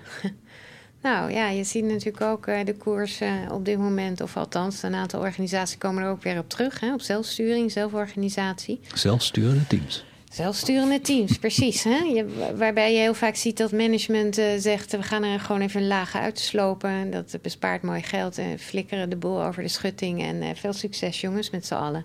Nou, ik geloof daar echt helemaal niet in. Omdat ik denk... ehm, dan, is dus de, dan, dan wordt eigenlijk gezegd... ja, iedereen heeft de regie, je gaat dat gewoon samen doen. Ik geloof daar niet in. Uiteindelijk... eh, eh, leidt dat heel snel tot onduidelijkheid. Wie pakt het nou eigenlijk op? Eh, het wordt niet helder. Uiteindelijk gaan allerlei mensen de kar trekken of niemand. Dus ik denk dat je, dat je nou, zelfsturing, ik zou je er dan zelf naar zelforganisatie willen gaan. Daar kun je misschien nog net van spreken. Waarbij je dan wel echt een goede taakverdeling maakt. Hè? Pietje doet dit, Jantje doet dat en Marietje doet die klus. En waarin, waarin je toch een aantal afspraken maakt. Maar ik denk, naarmate de situatie lastiger wordt, onzekerder. Ook, het blijkt nu ook in de coronatijd. Is, ook, is er echt de roep om krachtig leiderschap. Om een krachtige leider die zegt welke kant we op gaan. Die zegt wat we gaan doen. Dus ik denk, zelforganisatie kan als. eh, Alles lekker loopt. ja, als het, als het redelijk loopt, als de koers helder is eh, en het niet vol onzekerheden zit. Maar als het. eh, oh, nou, neem een storm. We zitten letterlijk in de mist, maar het stormt ook nog. Een vliegende sneeuwstorm. Ehm, nou, meestal zie je elkaar niet goed genoeg en kun je niet bij elkaar staan. Maar stel zelfs dat we wel bij elkaar kunnen staan. Je verstaat elkaar nauwelijks. We kunnen daar echt geen uur staan vergaderen. Dat gaat niet. Dus er moet een besluit worden genomen. Ehm, en ja, dat is vaak de expeditieleider. Maar soms is er een ander groepje voor, of iemand anders voor. Ja, die neemt dan het besluit. En tuurlijk, achteraf kan het verkeerde besluit zijn. Ja, dat is vervelend. Maar dat hoort erbij. Dat hoort erbij. Mhm. Ja. Het Peter Principle zegt dat iemand één keer te veel wordt bevorderd in een organisatie. Dus één keer te veel carrière maakt naar een positie die hij of zij net niet meer aan kan. Ja. Ehm, hoe ga je daarmee om? Ja, eh, dat betekent eh, volgens mij uiteindelijk erkennen dat je, als je laat ik het eerst even over jezelf hebben, op het moment dat je dat zelf ziet eh, of merkt, is ehm, vraagt dat eigenlijk, dat gaat eigenlijk over grenzen en over de eerlijkheid naar jezelf van goh. eh, klopt dit eigenlijk nog? Ben, ben, Kan ik dit wel? kan ik dit en wel? wil ik dit wel? Maar- en wil ik dit wel? En ben, word ik er gelukkig van? Want Mhm. ik denk eigenlijk dat dat heel vaak een punt is. Dat is de vraag, is iemand dan nog wel echt gelukkig? New Life University, een platform voor persoonlijke ontwikkeling. Een platform waar we veel meer voor je kunnen betekenen dan alleen deze podcast. Wij willen mensen helpen een sterke verbetering van hun leven te realiseren. En dat kan zowel op privé als zakelijk vlak zijn. Ik denk dat mensen tot veel meer in staat zijn. Maar we hebben niet de gebruiksaanwijzing gekregen bij onze geboorte hoe we het beste uit onszelf halen. Een opleiding waar we het hebben over succes, geluk. Hoe kom je erachter wat je precies wilt? Hoe verbeter je je relatie? Hoe krijg je er een? Hoe krijg je meer rust en balans? Hoe versnel je je carrière? Maar ook hoe krijg je nog krachtigere communicatieve skills? En als je al deze dingen bij elkaar optelt, dan heb je een beschrijving van de opleiding die ervoor zorgt dat je het maximale uit jezelf haalt.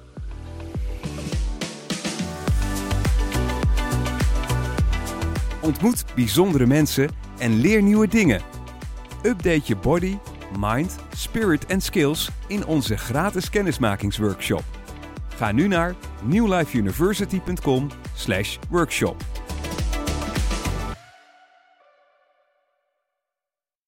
En, um... Nou, het is mooi dat je dat zegt, want dat voorbeeld uh, wat er dan, uh, dan als klassiek voorbeeld vaak bij wordt gegeven, is dat er een automonteur is die ongelooflijk goed met auto's is. Ja. Dat is fantastisch vindt. En ja. die wordt dan bevorderd tot de manager van de automonteurs. Ja. En nou, dat is natuurlijk fantastisch. Maar na twee dagen vindt hij of zij er helemaal niks meer aan, omdat Nee. te weinig aan de auto's nog wordt gesleuteld. Ja.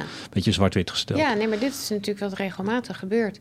Dus uiteindelijk vraagt het denk ik vooral eerlijkheid uh, ja, naar, je, naar jezelf toe. Um, en vraagt het vooral moed om daar iets aan te doen. Mm-hmm. Want uh, dat vraagt misschien wel dat jij een stap beter een stap terug kan zetten of opzij. En de erkenning dat je misschien wel iets te ver gegroeid bent. En uh, soms is het natuurlijk ook zo dat mensen het eigenlijk niet zien of niet willen zien. En dat iemand anders de rest het wel heel goed ziet. En die voorbeelden kennen we natuurlijk allemaal. Um, en dan is de vraag, kun je tot iemand doordringen? Ja, en soms moet je... Beuken. Ja, en soms moet je inderdaad, is het, uh, we gaan ermee stoppen. Mm. Wij waren in Pakistan met twee Pakistaanse klimmers. Henk en ik uh, vormden een team met deze twee Pakistaanse jongens. Uh, wij hadden in eerste instantie in Nederland twee klimmers benaderd. die allebei zeiden, we zouden heel graag mee willen, maar we gaan niet mee. Eén was aan het promoveren en die zei: kan niet zo lang weg voor het werk. En de ander zei: Goh, mijn partner krijgt, en mijn vriendin krijgt eh, een baby. We krijgen een kind. En we vinden deze beklimming te gevaarlijk. Dat ging over Garchabrom 1. Ja, een op de 15 klimmers van die top komt niet levend terug. Dus dat is echt een gigantisch risico. Dat vonden wij ook. Dus de vraag was: met wie durven we deze beklimming aan? En het was onze eerste zelfstandige expeditie. Dat was in 2004. Dus je moest een topteam hebben. Ja, en ik, ik, ja, dat, ik was, zou expeditieleider zijn. Ik was daar best wel onzeker over. Ik vond het een gigantische verantwoordelijkheid. Dus ik zag eigenlijk niet zo goed met wie we dat aandurfden. En toen hebben we, Henk en ik, tegen elkaar gezegd: Goh, we gaan die berg beklimmen met twee Pakistanen die de berg kennen. Dat maakt het veiliger, want zij kennen de omstandigheden. We waren nooit in Pakistan geweest. Zo begonnen wij dus aan die beklimming. Maar wij kenden die jongens natuurlijk niet. Een heel groot nadeel. Dus wij waren met deze jongens aan het klimmen uh, op expeditie. En uh, kregen inmiddels in de gaten dat een van die jongens altijd een probleem had. Die zat uh, altijd eigenlijk te piepen. Letterlijk. We vertrokken te vroeg. We gingen dan s'avonds om twee uur al weg in het basiskamp. Want dan was de gletsjer het minst gevaarlijk. hij, we gingen te snel. We, er was al gewoon altijd een probleem. Hij had altijd een probleem. We kennen ze. Ja, waarbij we, Henk en ik dus op een gegeven moment tegen elkaar zeiden... Uh, goh, wil hij eigenlijk die beklimming wel? Deze jongens worden fors betaald, zeker in Pakistaanse begrippen. Dus ja, ik geef ze geen ongelijk dat die jongens daar komen voor het geld. Maar ja, als je alleen maar komt voor het geld... dat geldt natuurlijk ook in Nederland voor je werk... als je alleen maar voor het geld komt en je vindt er niks aan... Dan is het, ja, dat is gevaarlijk. Ja, dat is niet oké. Okay. Mm -hmm. En dus op een gegeven moment bespraken we dat met hem in het basis, terug in het basiskamp. Nou, er was uh, niks aan de hand. Hij uh, wilde het heel graag en uh, hij zou, maar hij ging zich verbeteren en het zou goed komen. Nou goed, vervolgens zaten we nog weer vijf dagen vast in dat basiskamp, omdat het heel slecht weer was. En hij had ook al eerder last van buikpijn telkens. En toen had hij weer die problemen. En er was een dokter in dat basiskamp van een ander team. Wij hadden een heel klein team. Dus wij naar naar de dokter in het basiskamp, een Duitse arts. En die zei: Ik krijg sterk het idee dat deze jongen nierstenen heeft. Te weinig drinken. Je moet op hoogte een liter drinken per duizend meter. Dus als 5000, eh, 5, sorry, op 5000 meter 5 liter per dag. Nou, die lokale jongens kunnen wel met iets minder toe, maar die moeten ook heel veel drinken. En de meesten doen dat niet. Dus of het nu dat alleen was, of ook de stress. Wat gewoon aan alles eigenlijk helder was, was dat hij eigenlijk bang was. En dus ik heb uiteindelijk het besluit genomen, toen dit helder werd. We gaan ermee stoppen. We, geven, hè, we gaan niet opnieuw omhoog, want het is te risicovol. Als hij echt nierstenen heeft. Ja, en dan moet je gewoon wel echt uh, een besluit nemen. En wat is dan die rol van die expeditieleider? Ja, ik ben, uh, ja, ik ben dan verantwoordelijk. Dus ik, uh, Whatever was, it takes, jij neemt ja, beslissing. Ik heb in dit geval heb ik een besluit genomen. Mm -hmm. Ja. ja, dat was vervelend en ik was er helemaal kapot van. Want zo'n ge zo'n gesprek voeren is dat toch wel emotioneel. Dat hm. vind ik al in Nederland best wel lastig. ik ga wel echt de waarheid aan met mensen, maar het kost me echt energie. Dat ik het zorgvuldig wil doen. Mm -hmm. Maar dan om dat op 5300 meter te doen in het basiskamp, zo'n gesprek met iemand die het helemaal niet mee eens is. En die zegt: uh, Ik ga vanaf nu meer drinken en ik ga nu, uh, ik ga, nu komt alles in orde. Ja, maar ik ben er toch bijgebleven. Dus ik was echt helemaal kapot. Mm -hmm. Maar goed, het was, het was toch nodig. Zo is dat soms. Je zegt uh, basiskamp, hè? Dat is een ja. mooi linkje naar de volgende stap. Als je dan ja. uiteindelijk je doel hebt bepaald. Je hebt je team. Ja. Dan ga je naar het basiskamp. Ja, dan ga je elkaar beter leren kennen. En dan wordt zoiets als een cliché heel erg waar. Dat communicatie ah. zo belangrijk is. Dus een diepe zucht. Ja, precies. Stel. Nou, je leert elkaar natuurlijk echt wel kennen op zo'n beklimming. Hè. Inderdaad al met de trektocht vaak naar het basiskamp toe. In Pakistan duurde dat acht dagen. Mhm. Mm uh, en in het basiskamp op 5000 meter hoogte... ja, dan, dan heeft iedereen al wat last van de hoogte. En dan ga je die eerste klimronde doen en dan zit je echt samen ook in een kampje, in een tentje vast, op twee vierkante meter, waarbij elkaar verschrikkelijk in de weg zit. Uh, ja, dan word je letterlijk met elkaar geconfronteerd. Mm. En geen dus ontsnappen het, aan. Nee, er is geen ontsnappen aan. En um, ja, het, het stormt hè, of het sneeuwt, het is slecht weer, maar we moeten wel de hele tijd de tent uit, want anders dan sneeuwt die dicht en krijg je geen zuurstof meer. En dit voorjaar zijn twee uh, skiers uh, omgekomen in Oostenrijk, zo in een tentje. Omdat het tentje dicht zat en het sneeuwde te veel, ja, dan, dan, ja, dan is er gewoon zuurstof echt zuurstoftekort.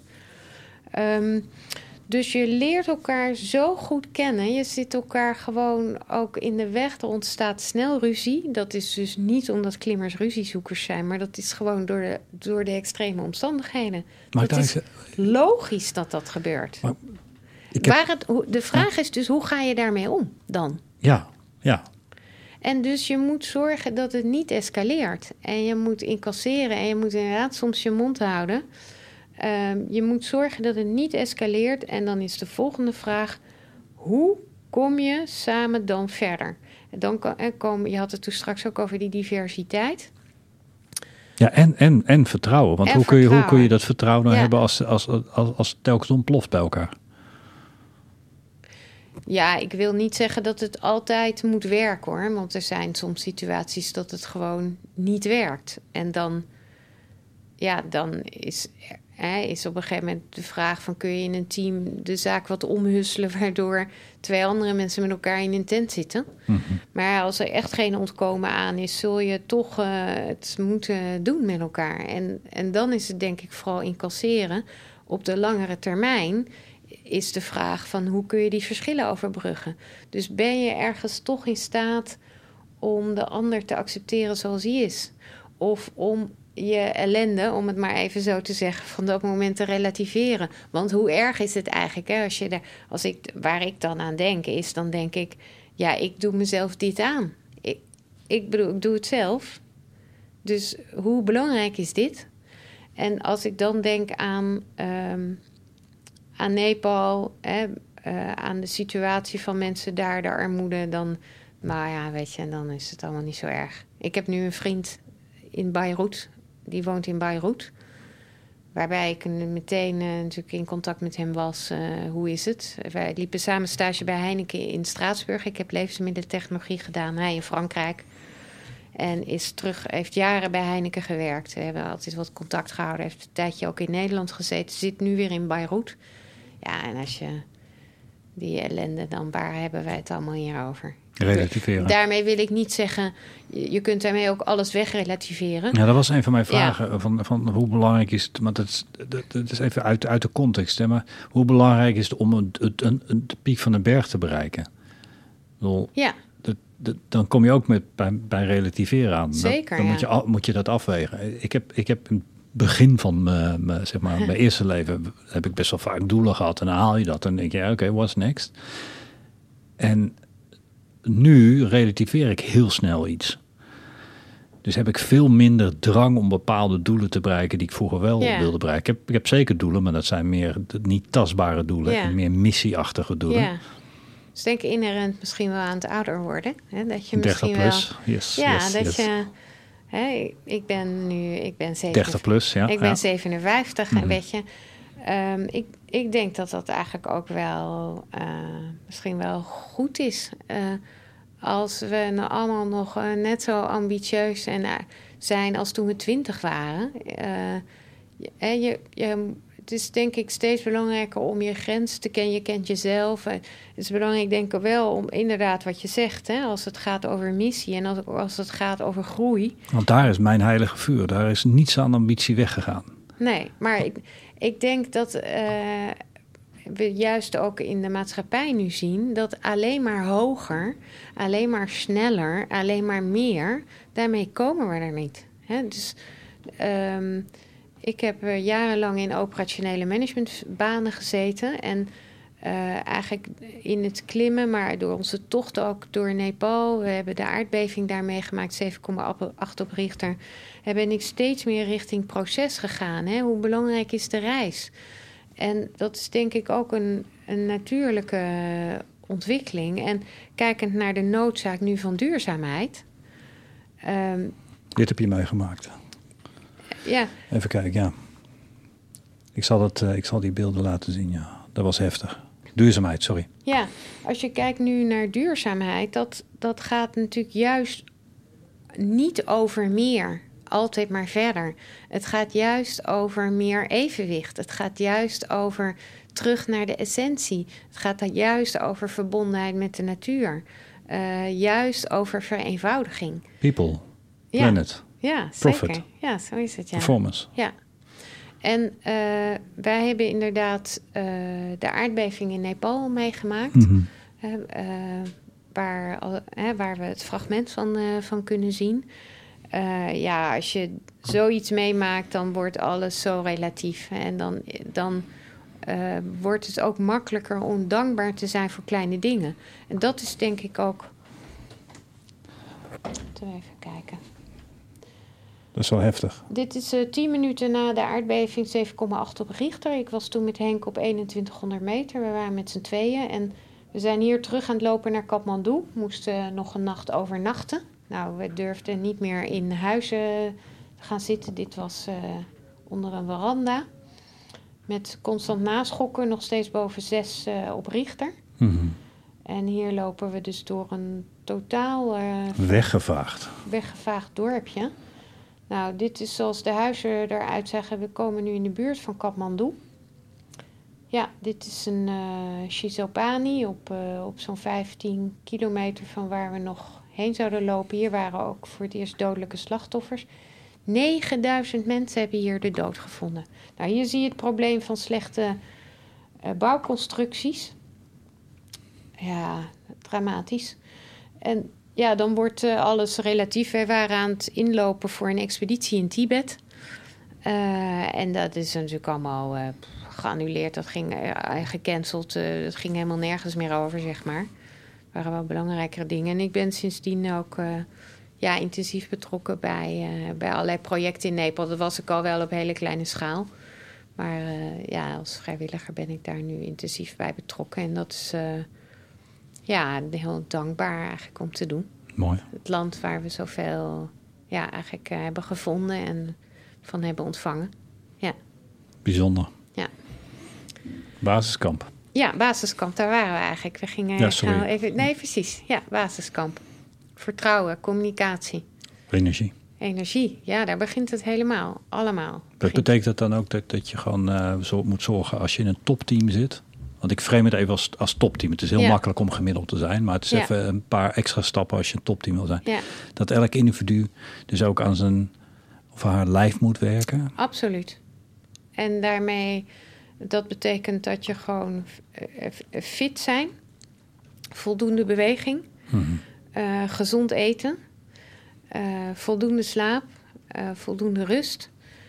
zodat je aan kunt waar je voor staat. En, en dus dat betekent inderdaad ook, ook letten op, op gewicht. En ik, ik ben er echt van overtuigd dat fitte men, als je fit bent, als je goed in je vel zit, dat je meer aan kunt. Gewoon in het dagelijks leven. En Mhm. Daar wordt ook steeds meer op geïnvesteerd eh, in organisaties. Stel voor je hebt een team van vijf mensen. En Ja. één iemand is gewoon eh, dik, Ja, niet getraind, ja, eet slecht, zuipt te veel. ja. Wat doe je daar dan mee? Ja. Dat wordt, weer die, wordt weer die zwakke schakel. Ja, Ik zie ze niet in de topteams waar ik mee werk. Maar ik werk Nee. ook met teams waar, eh, waar, waar, waar eigenlijk het meer teams zijn. Nog, nog niet echt Ja. die Olympisch niveau teams, zeg maar. En daar zie je het soms wel. ja.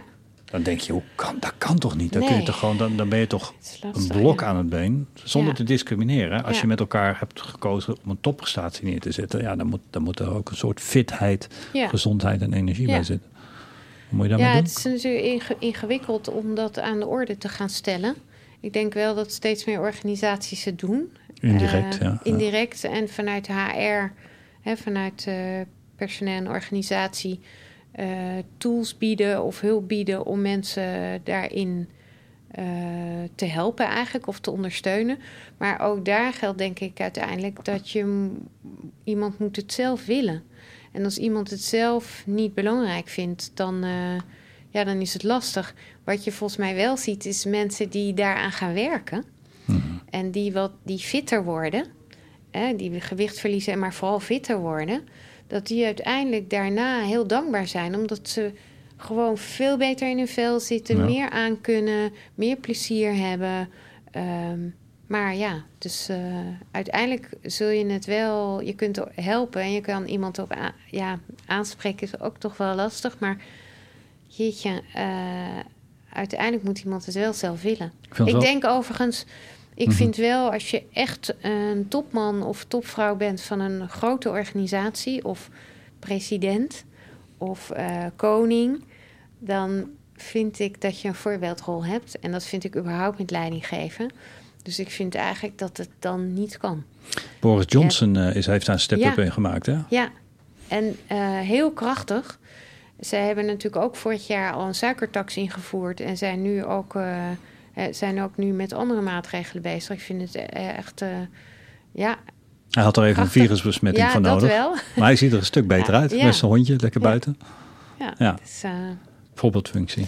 ja, en daarmee wil ik niet zeggen dat iedereen super gezond moet zijn en super slank. Maar waar het over gaat is een soort basisfitheid. Dat je eh, tot een soort eh, ja, normale sportieve of, of eh, prestatie, of, of prestatie wil ik het niet eens noemen.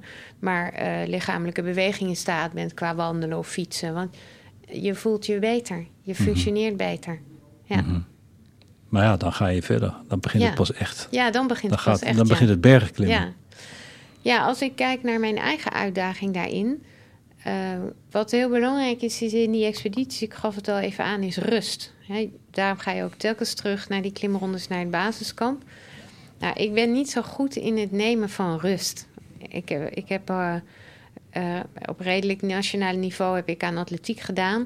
Ook toen was het al zo, in- als student. Redelijk. Ja, dat ik eigenlijk ehm, geen rust nam. Mhm. En dat geldt eigenlijk überhaupt in mijn eh, dagelijks leven, dat ik dat heel moeilijk kan. Eh, en op een berg eh, kan ik het ook niet zo goed, maar valt het me al makkelijker. Omdat we ook soms gewoon vastzitten dagen in zo'n basiskamp. Dus ik, ik neem dan makkelijker mijn rust en dan merk ik gewoon hoe nodig het is. En als je dat ook daar gewoon niet doet, lukt het niet. Dus ik word er letterlijk met mijn neus op de feiten gedrukt daar. Mhm. Het belang van rust nemen. En als je rust neemt, reflecteer je. Ja, ja En dat helpt bij het maken van beslissingen. precies. En is dat, is dat een haak naar eh, het leiderschap als je, als je aan het klimmen bent? En wat, wat is Ja. leiderschap? Ja, Kun je een leider definiëren? ik, heb, Eh. ik heb drie C's. Ja, iedereen heeft, heeft... Ja, ik heb ze niet zelf verzonnen. vertel. Maar om de zoveel maanden heb je een paar nieuwe dingen. Ja, Ehm, als leider moet je connectie kunnen maken met mensen. Ja. Je moet kunnen communiceren. En je moet kunnen samenwerken. En als je het allemaal in het Engels vertaalt, dan, Ja, eh, dan kom je op... Precies, dan Of kom je op de drie C's. collaboration, Col- ja. collaboration, ja. ja. Goed, er zijn honderdduizend andere manieren voor. Maar ik vond het wel een mooie.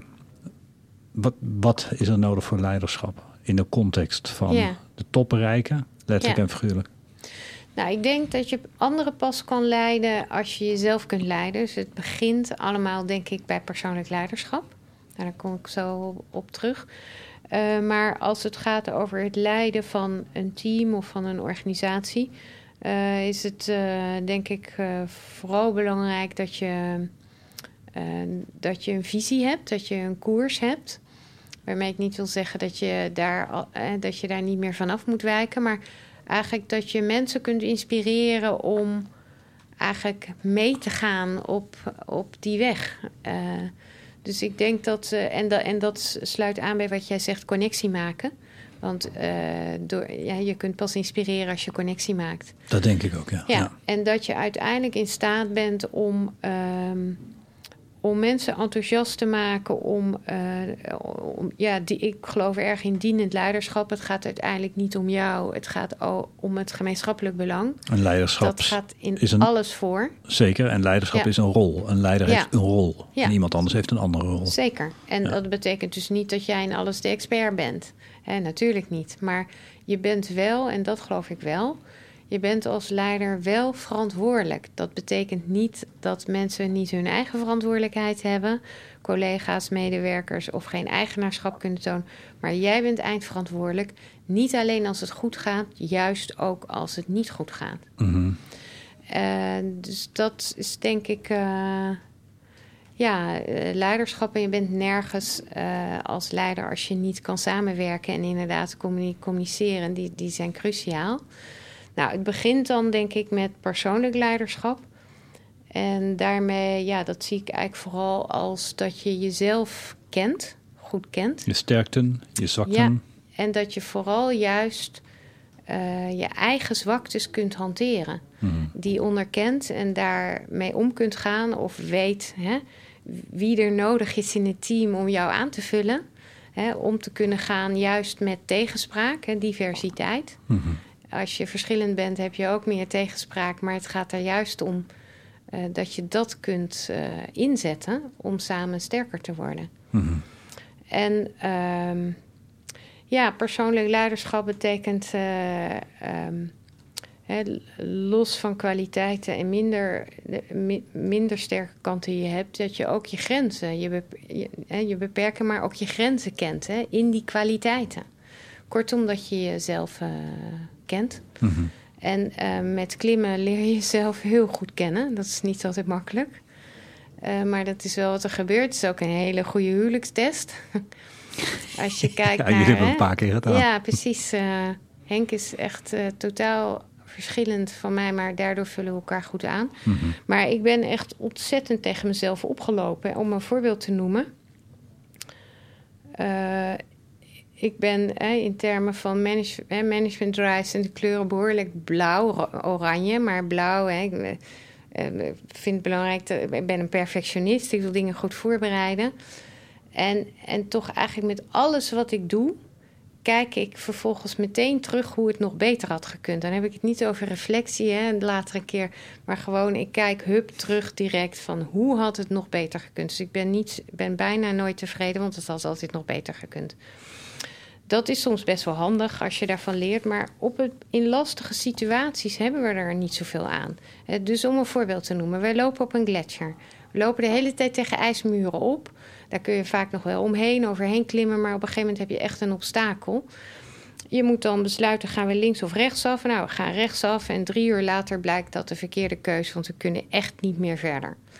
Nou, dan heb ik de neiging om, zeker als ik zelf een verkeerd besluit heb genomen, kijk, als het weer slecht is, daar kan ik niks aan doen. Maar als ik een verkeerd besluit heb genomen, kan ik daar eindeloos over door blijven modderen. dan heb ik ook nog de neiging om dat te zeggen in de groep. Of uh, iets te roepen als als we nou dit hadden gedaan, dan dat. Ja, op zo'n moment hebben we daar niks aan. Uh, dus ik vererger de situatie er alleen maar mee. Ik weet, ik denk het nog steeds. Ik, blij, ik kan het bijna niet uit mijn hoofd bannen. Alleen ik ben steeds beter in staat, hè, wijs geworden door de ervaringen, om nu mijn mond te houden om niks te zeggen of zelfs iets positiefs te zeggen, want het helpt niet als ik ga zitten uh, zeuren daarover. Nou, wat je dan ook ziet is, Henk kent mij natuurlijk door en door, dus die kapt mij ook wel af, maar nog veel beter, hij maakt, uh, hij, hij relativeert of hij brengt humor in. En dat is wat je natuurlijk op zo'n moment nodig hebt in een team. De, juist humor is vaak een, op het goede moment dan wel mhm. een krachtig middel. Uh, ik, ik ben dus zo tegen mijn perfectionisme opgelopen dat ik gewoon nu weet dat zit me dan in de weg. En ik ben zo langzamerhand beter in staat om ermee om te gaan. Ja, je kunt het iets beter aan en uitzetten. Ja, precies. En ik denk uiteindelijk dat dat uh, persoonlijke groei is. Dat je daar beter mee om weet te gaan. En mhm. zo heeft ieder natuurlijk zijn eigen uitdagingen. Mm dus, uh, maar het begint bij de, ja. de acceptatie dat je gewoon niet alles kan. Nee, precies. En als je dan mensen in je omgeving hebt die dat nog niet hebben gedaan? Um, die denken dat ze alles moeten kunnen. Ja. En als ze iets doen wat niet goed is, op, op een lager kwaliteitsniveau het niet zien, niet doorhebben. Dat het niet goed is. Mm -hmm. Ja, dat is natuurlijk voor mij als perfectionist wel lastig, want ik zie het wel. Dus kom maar teentjes. Ja, ja, alhoewel ik meer last heb uh, van mezelf als iets niet goed is dan bij anderen. Mhm. Maar uiteindelijk als leider hè, wil je anderen stimuleren, vraagt dat natuurlijk uh, capaciteiten om uh, die ander te motiveren. En daarbij is het zinvol om die ander te, jezelf te begrijpen, maar die ander ook te begrijpen.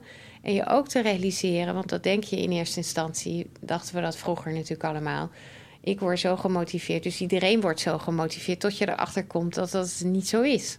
Dat uh, iemand die anders in elkaar zit iets anders nodig heeft. Mhm. En dat is denk ik wel wat um, een goede manager, een goede leider, een goede leidinggevende onderscheidt.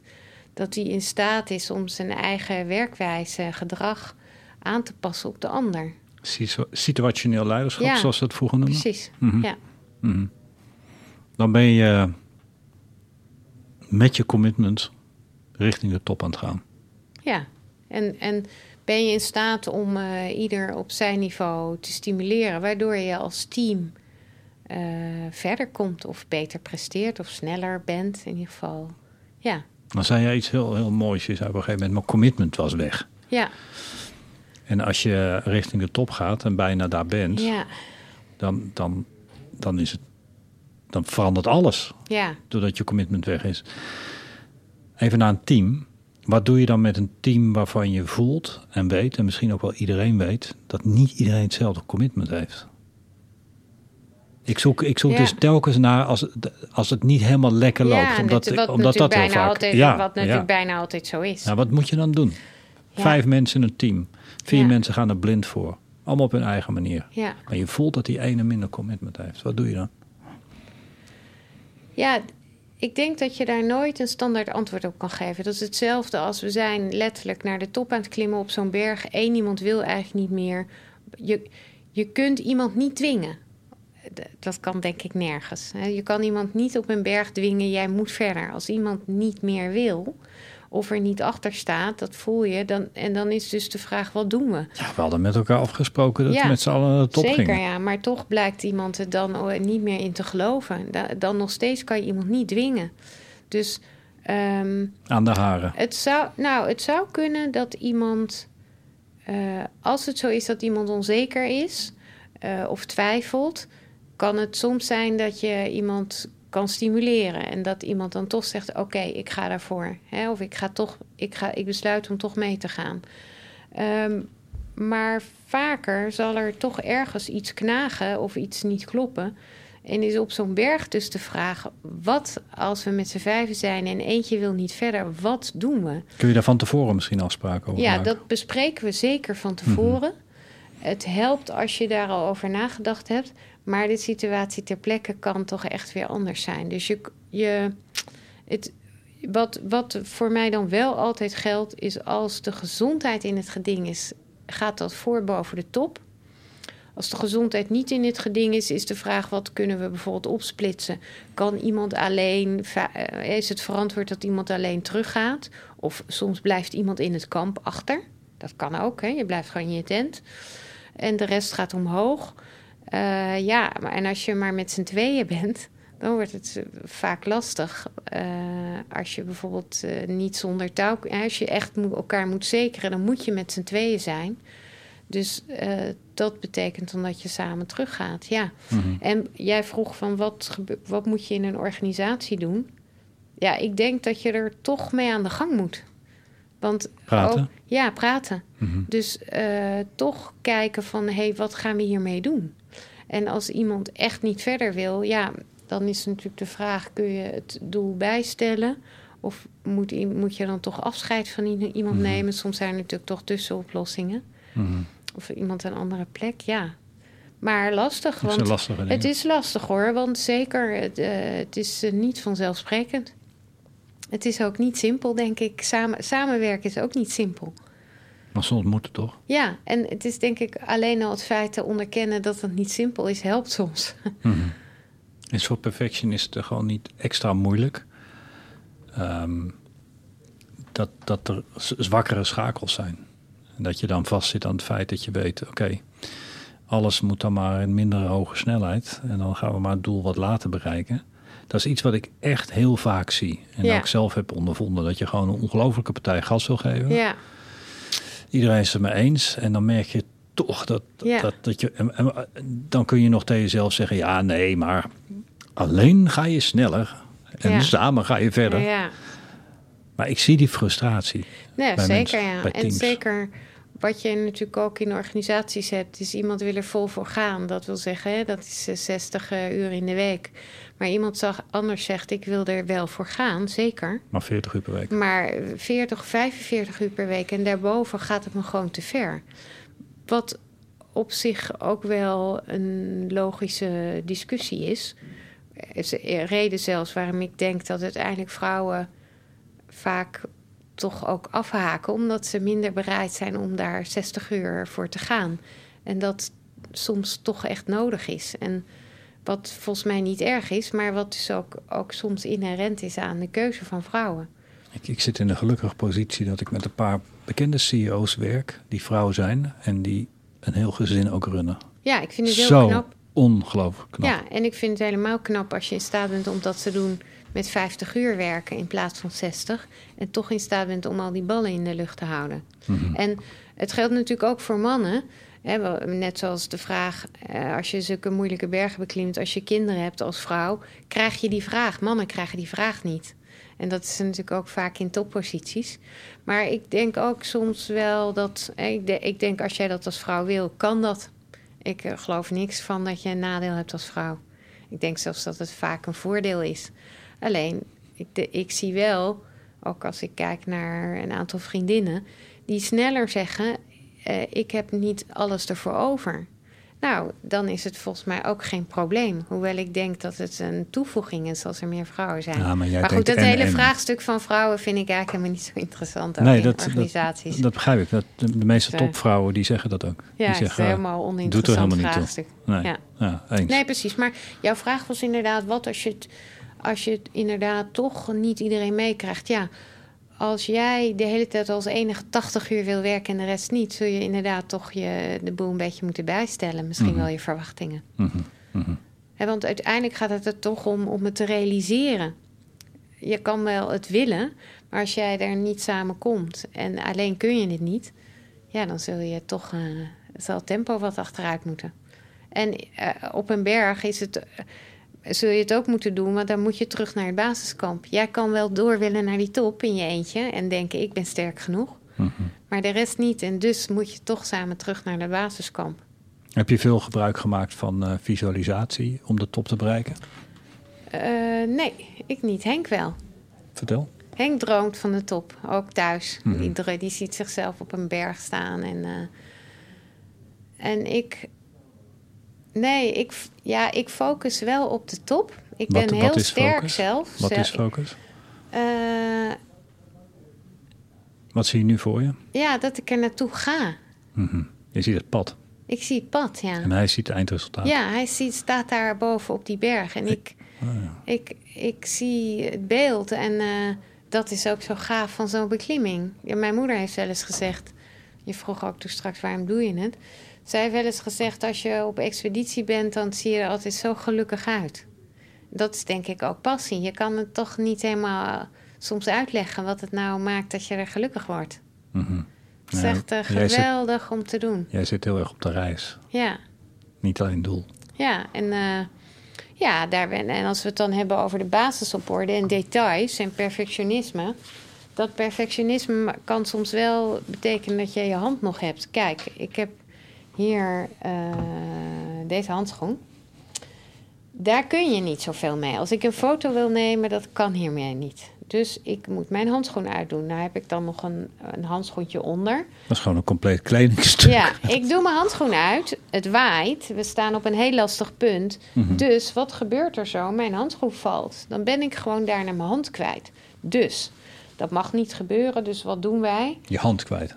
Ja, dan ben Hoe ik. koud is het daar? Ja, min, der- min 30, eh, min 25 en een windchill. En dan moet je af en toe nog iets doen eh, met, eh, met een pikkel, een anker, een touw. Dus wat doen we? We maken letterlijk die handschoen vast aan een touwtje. En dus ik doe mijn handschoen uit. Dat is ook altijd een heel geprul, want ik heb nog zo'n handschoen. Dan moet je dit een beetje losmaken, gaat hij eruit. Nou, dan valt hij dus niet de diepte in. Dit touwtje of elastiekje moet je echter wel bij je hebben op het goede moment. En als dat dus, dus het komt ook aan op, eh, op details. En daarbij denk ik wel dat ehm, leiderschap betekent dat je weet welke. Hè, je zult ook risico's moeten aangaan. Niet alles kun je voorzien. Niet alles is zeker. En zeker in de huidige onzekerheid. Maar er zijn sommige dingen die zijn wel belangrijk. En sommige details ook. Dat blijkt hier ook uit. En die zijn er natuurlijk ook vandaag de dag. En het is dus belangrijk om te kijken.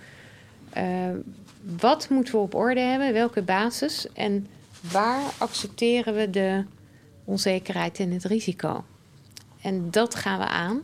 Want je kunt niet elk risico uitsluiten. En dat is denk ik iets wat we, ja, waar we vandaag de dag tegenaan lopen. Dat zo'n beetje iedereen elk risico wil uitsluiten. En we dus regel op regel, ja, dan werkt het niet meer. In ieder geval is de snelheid weg. En Ja. je, je zei het al mooi, een leider van nu hoeft niet alles te weten. Nee, Dat hoort, dat hoort niet meer bij het nu. nee, klopt. Ja. Je moet om kunnen gaan met de onzekerheid. En in dat opzicht wat was onze tocht door Nepal. Mhm. En die we eigenlijk eh, bedachten op het drielandenpunt in Nederland, eh, de Vaalse Berg. Dat we dachten, hé, hey, heeft Nepal niet twee drielandenpunten... als we nou eens van het ene punt naar het andere punt gaan We lopen? gaan niet naar Vaals, nee, we gaan Zo hebben we dat 2000 kilometer. Echt zo hebben we dat bedacht. We hadden geen idee wat we bedachten, maar het was echt geweldig. Dit hele proces was zo gaaf.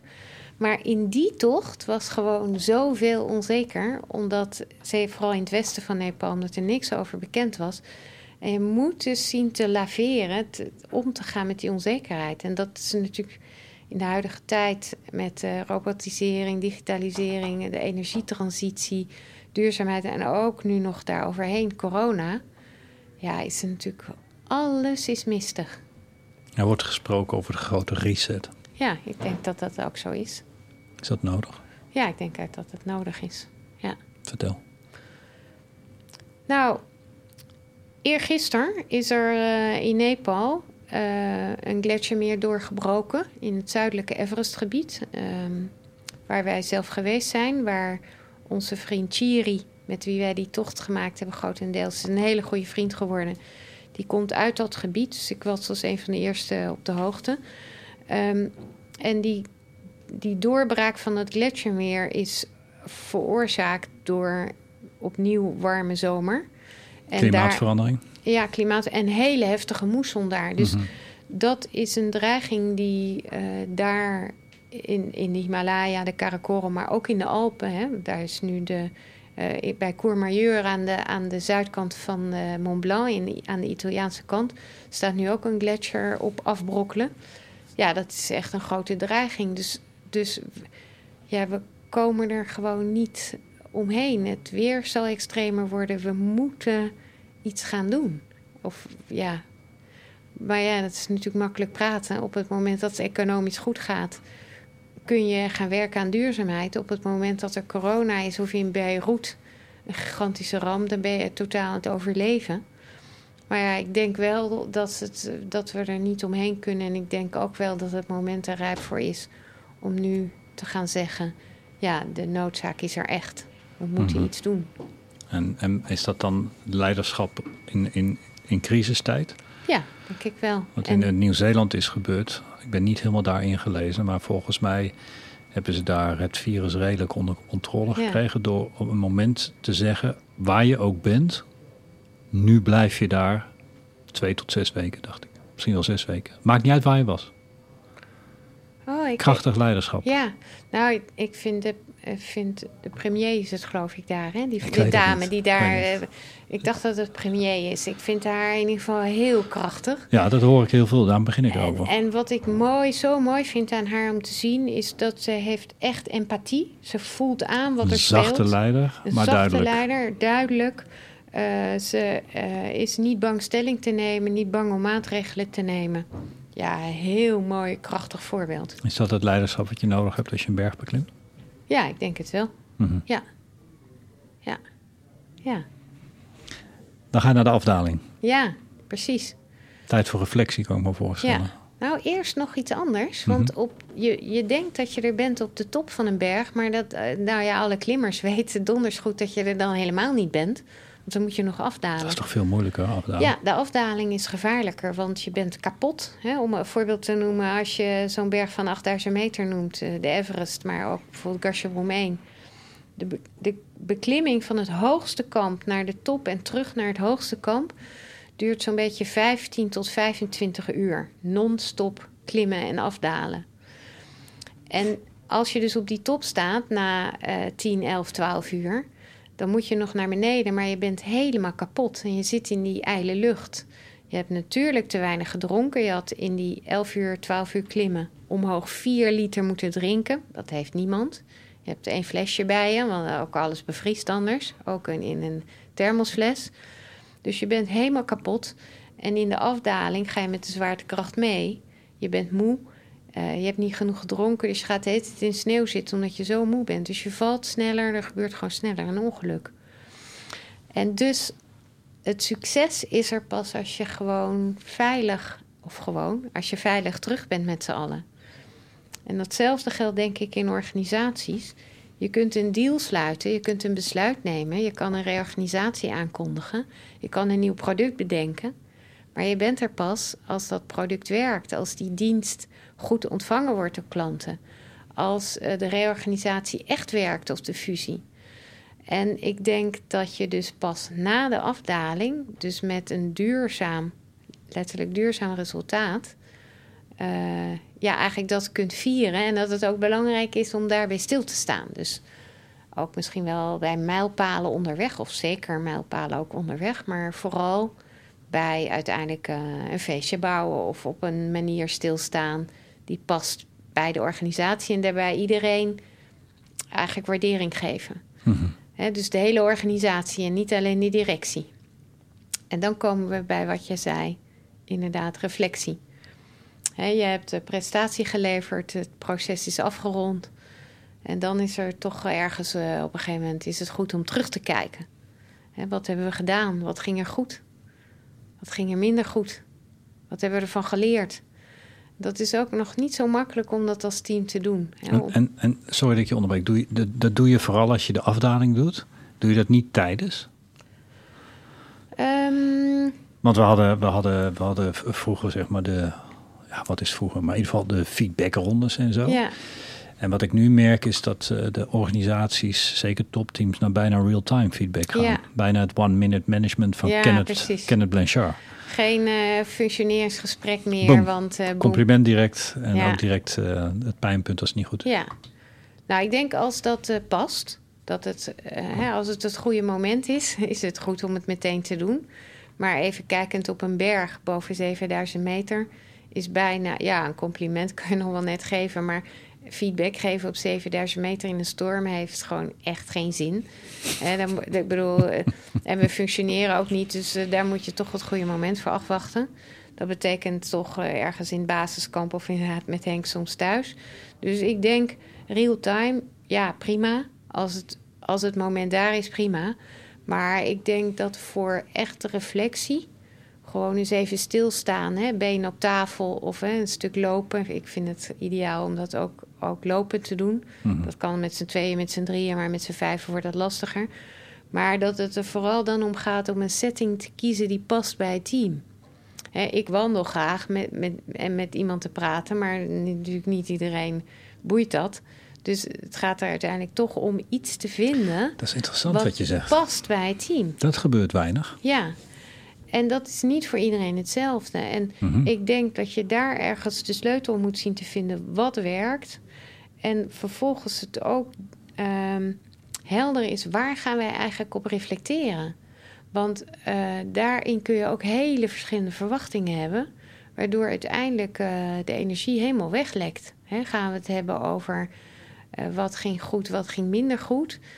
Waar gaan we het hebben ook over de stip aan de horizon straks? Wat gaan we er eigenlijk mee doen? En ja, op wat voor manier doen we dat?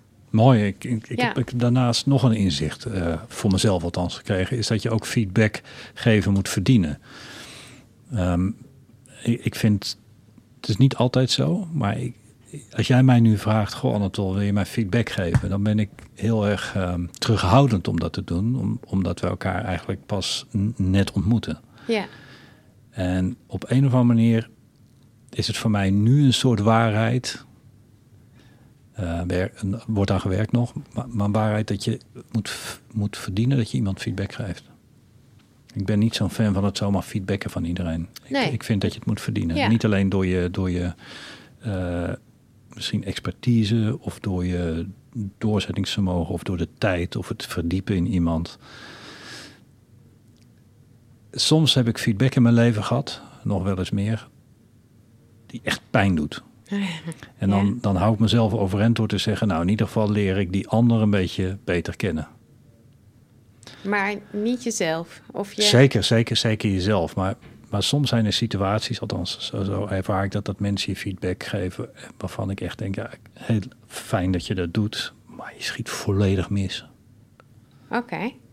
Eh, ja, dat kan natuurlijk inderdaad. Dat je, Ook al sta, sta ik er open voor. ja, dat Het je is- feedback... Ja, jij spreekt ook, hè? Ja, je bent ook spreker. Zeker, ja. Nou, het is heel fijn om, om feedback te horen dat iemand zegt, eh hij moet meer bewegen of ik moet meer stilstaan. Vanuit die persoon is het misschien nog wel oké. Maar er, er zit een partij kennis en techniek achter het wel of niet bewegen. Ja, Nou ja, Nee, dat, dat wat bedoel ik. Dus, ja. dus, dus ik vind dat je ook, ook wel feedback moet verdienen voordat je het aan iemand geeft. En bedoel je met verdienen dat je... Nou, ik moet minimaal iemand- aardig tegen je zijn. Denk ik. En ik moet me een beetje in jou verdiepen. Ja, je, moet iemand, je bedoelt, ik, je moet iemand kennen? Of eigenlijk dus... Nou ja, je hebt, je hebt hier, ik kan, ik kan dan wel zeggen, ja, nee, maar je moet andere kopen. Maar jij hebt een paar duizend uur, in ieder geval een paar honderd uur op deze, deze laarzen gelopen. Ja, Moet jij dan zeggen, oh, dank je Anatol voor de feedback. oké. Ehm, Het is toch lekkerder om van iemand te horen Ja, die, zeker, die, die ja. 27 bergen heeft bewandeld. Dat hij zegt, nou, ik zou toch, ik zou, ik zou toch die andere doen. Ja, er zijn, nou, er zijn denk ik, je kunt inderdaad, er is natuurlijk feedback geven en feedback ontvangen. Eh, als je feedback, hè, je had het net over het feedback ontvangen. Ja, het is natuurlijk uiteindelijk aan iedereen zelf of je er iets mee doet. Hè, en of je het serieus neemt en of je er wat aan hebt. En ja, soms denk je inderdaad misschien van, goh, nou, ik denk erover na, maar ik, ik ben het er eigenlijk niet mee eens. Of ik ga er niks mee doen. Hè. Dat is natuurlijk prima, Ieder, Mhm. ieders recht. Ehm, als het gaat om feedback geven, is ook niet iedereen bij machten om. Hè, er zijn natuurlijk toch een paar feedbackregels waaruit in die historie gebleken is dat het Handig is. handig is om Ja. die te kennen en niet te zeggen jij bent, hè, maar eh, gedrag, gedrag. hè, ja. gedrag te bespreken, aan te geven wat dat met je doet en, en wat je eigenlijk zou, zou willen. Klein beetje uitpluizen, want dat is een belangrijke opmerking. Dus een, een, een mens is niet eh, eh, eh, je kunt niet zeggen, jij bent je gedrag. Je, je bent iemand anders dan je gedrag. De ene keer vertoon je fijn gedrag, de andere keer niet fijn gedrag. Dus als ik tegen jou zeg, nou... Jij bent, uh, hè, jij bent een high bye of uh, nee, nou, noem maar wel wat op. Hè? Dan uh, precies. Hm. Dan, dan gaat iemand al heel snel in de verdediging zitten. Dus feedback geven betekent inderdaad... dat, je, dat bepaalde manieren beter werken. En dan ben ik met je eens dat op het moment dat je iemand ook wat beter kent, je dat waarschijnlijk uh, daar ook wat meer zicht op hebt. Als het gaat over reflectie, ik denk dat is nog wel verschil tussen feedback geven en reflectie. Ik, ik denk bij reflectie vooral ook, ook, en zeker ook in een groep, uh, kun je natuurlijk ook feedback op elkaar gaan geven, maar kan het soms ook de feedback of de, de reflectie zijn op wat hebben we eigenlijk gedaan. En dan is het op wat hebben we bereikt en, en het hoe. Dus het, het is, gaat er denk ik vooral om als je als team reflecteert, uh, dat helder is wat het doel eigenlijk is van de reflectie hoe, en, en, en hoe je dat gaat doen. Want daarmee voorkom je ook teleurstelling. Want ik zie toch wel regelmatig dat, uh, dat je eigenlijk niet goed uit dan zo'n evaluatiemiddag komt. En dat is gewoon zonde. Mm Het is jammer. Dus je moet, je moet een goede briefframe maken. Waar ga je het over hebben? Context bepalen. Ja. ja. En een goede reflectie. Kanaliseren. Ja, en een goede reflectie geeft de energie om verder te gaan. dan komen we op het, eigenlijk de laatste pijler in het boek. want in topteams behandel ik eigenlijk uh, in, in zes fases. We gaan het boek even laten zien. Ja, dat is deze. In uh, zes fases uh, behandel ik eigenlijk... of eigenlijk in zes hoofdstukken behandel ik de, de zes fases van, een, van een expeditieproject. Het is op expeditie gaan, de expeditie, het is het team... Mhm. Het is basiskamp, hebben we het over gehad, de beklimming, de top en de afdaling. En dan behandel ik eigenlijk 18 pijlers uh, die maken uh, dat een team een topteam wordt. En wat is in mijn ogen een topteam? Een uh, topteam is in mijn ogen een team waar je het hele potentieel benut. Waar ieder tot zijn recht komt en waar je uiteindelijk dus alles eruit haalt om een topprestatie neer te zetten. Ieder team op zijn eigen niveau. Mhm. En waar het gemeenschappelijk doel leidend is. Nou, in dit boek eh, behandel ik dus uh, um, 18 pijlers uh, die van een team een topteam maken. En die behandel ik eigenlijk op drie manieren. Eigenlijk uh, elke pijler via een soort algemene toelichting, waarin ik eigenlijk de link leg tussen klimmen en organisaties. Twee, storytelling. Dus ik geef voorbeelden uit um, onze expedities waarin ik het betreffende thema, bijvoorbeeld vertrouwen of communicatie of samenwerken aan de orde stel. En het derde zijn de quotes, uh, waarmee we, we, en dan bedoel ik we, Menno Boermans, de fotograaf en ik, willen inspireren. Dus met uh, beelden we iets willen overbrengen en uh, ik daar een quote bij gemaakt heb. En we hadden het over die 18 pijlers. En we hebben eigenlijk een aantal van die pijlers in het gesprek doorgelopen. En we komen nu eigenlijk aan bij de laatste pijler, groeipad. Mhm. Ja. Ja, ik moet zeggen, ik heb veel boeken gelezen en nog steeds voor, voor het vak, voor het beroep. En ik ben als spreker ook heel vaak mensen tegengekomen uit topsport.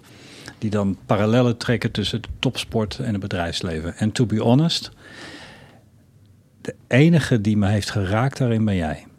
Zeker toen ik het boek heb gelezen. Hm, dankjewel. Want, ja, dat meen ik. Want ik denk niet dat er zoveel parallellen namelijk zijn tussen topsport en bedrijfsleven. Alleen jouw topsport, het beklimmen van een berg, wel. En uh, nou ja, zeker het boek, omdat het heel mooi is en heel visueel kloppend is. De quotes kloppen bij de foto's, kloppen bij de tekst die je op dat moment behandelt. Ik, ik, ik was er echt van onder de indruk. Ja, dankjewel voor, het, voor je woorden en het compliment. En ik ben uiteindelijk ook uh, uh, ja, trots en blij met het boek. Ik heb er 2,5, bijna drie jaar aan gewerkt. En uh, wat de grote worsteling in het boek was, want het was echt een gigantische expeditie. vorig jaar eh, zomer heb ik het uiteindelijk aangeleverd en heb ik me helemaal opgesloten, omdat ik er helemaal gek van werd dat ik het niet rondkreeg op de manier die ik wilde. En um, in eerste instantie heeft veel tijd gevraagd om uh, die fases, die hoofdstukken te bedenken. De 18 pijlers, daar is wat in gewisseld. Nou, dat stond eigenlijk uh, heel mooi. Vervolgens ben ik met een vormgever eh, ben ik het boek maken. Ik ben oorspronkelijk gestart met Hemels van de Hart. het bureau wat ook Lopen over de Grens ontwikkeld heeft van Pieter Hemels.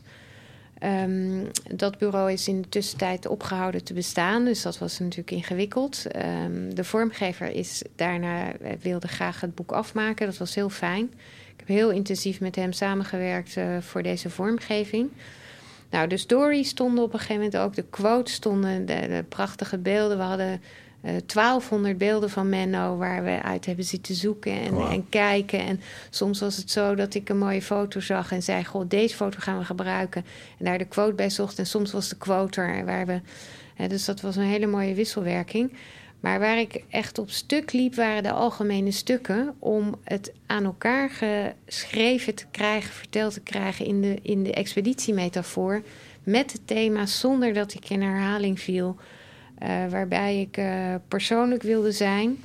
Uh, waarbij het over al mijn expedities heen moest gaan. En waarbij het vooral de metafoor moest raken naar organisaties. En ik kwam er op een gegeven moment gewoon niet goed uit. Maar uiteindelijk hierbij heeft wel geholpen om te volharden. Om er uiteindelijk, ik dacht echt op een gegeven moment. Ik dacht op een gegeven moment, ik krijg het, het lukt me niet. En ik had wel voor ogen wat ik wilde, maar ik kreeg het niet in woorden gevat. En uh, Annemieke Recour, de, uh, de redacteur waar ik ook uh, topinspiratie mee gemaakt heb in Lopen over de Grens, is echt een gigantische kanjer. Want die heeft mij op, uiteindelijk toen het al heel ver was, maar wel de goede vragen gesteld. En heeft gezegd, ja maar Katje, hier klopt iets niet. Joh, hier moet je naar kijken. Of hier een woord, toch ook met woordsuggesties. Echt Hele mooie samenwerking. Waar kunnen mensen jou vinden? Waar kunnen mensen mij vinden? Ja, want er zijn mensen die hebben dit gezien en die willen meer weten. Nou, uh, katjastaartjes.nl heb ik een website uh, waar ik uh, schrijf over de mogelijkheden, de lezingen. Ik werk inmiddels ook als coach inderdaad voor teams en leiders. Vaak vanuit nu de methodiek Management Drives, waar ik een licentie in heb. Mm -hmm. Uh, maar ook uh, van alles vinden over de expedities die ik gedaan heb en uh, de boeken die ik geschreven heb. En um, ja, in 2020 in maart ben ik begonnen met een theatertour over onze twee Manaslu-expedities. De expedities waar we beide keren omkeerden onder de top. 300 meter onder de top, 20 meter onder de top. En uh, daar heb ik samen met Mondia Visueel echt een theaterpresentatie over gemaakt. Um, en die is een paar maanden verschoven? Ja, die is een paar maanden verschoven. Overigens zit daar, bedenk ik me nu nog een fragment... Uh, wat, ik, uh, hè, wat ik met jullie deelde over... dat is de stap die Henk en ik maakten nadat we de top op 300 meter na niet bereikten... nadat een teamgenoot ziek werd...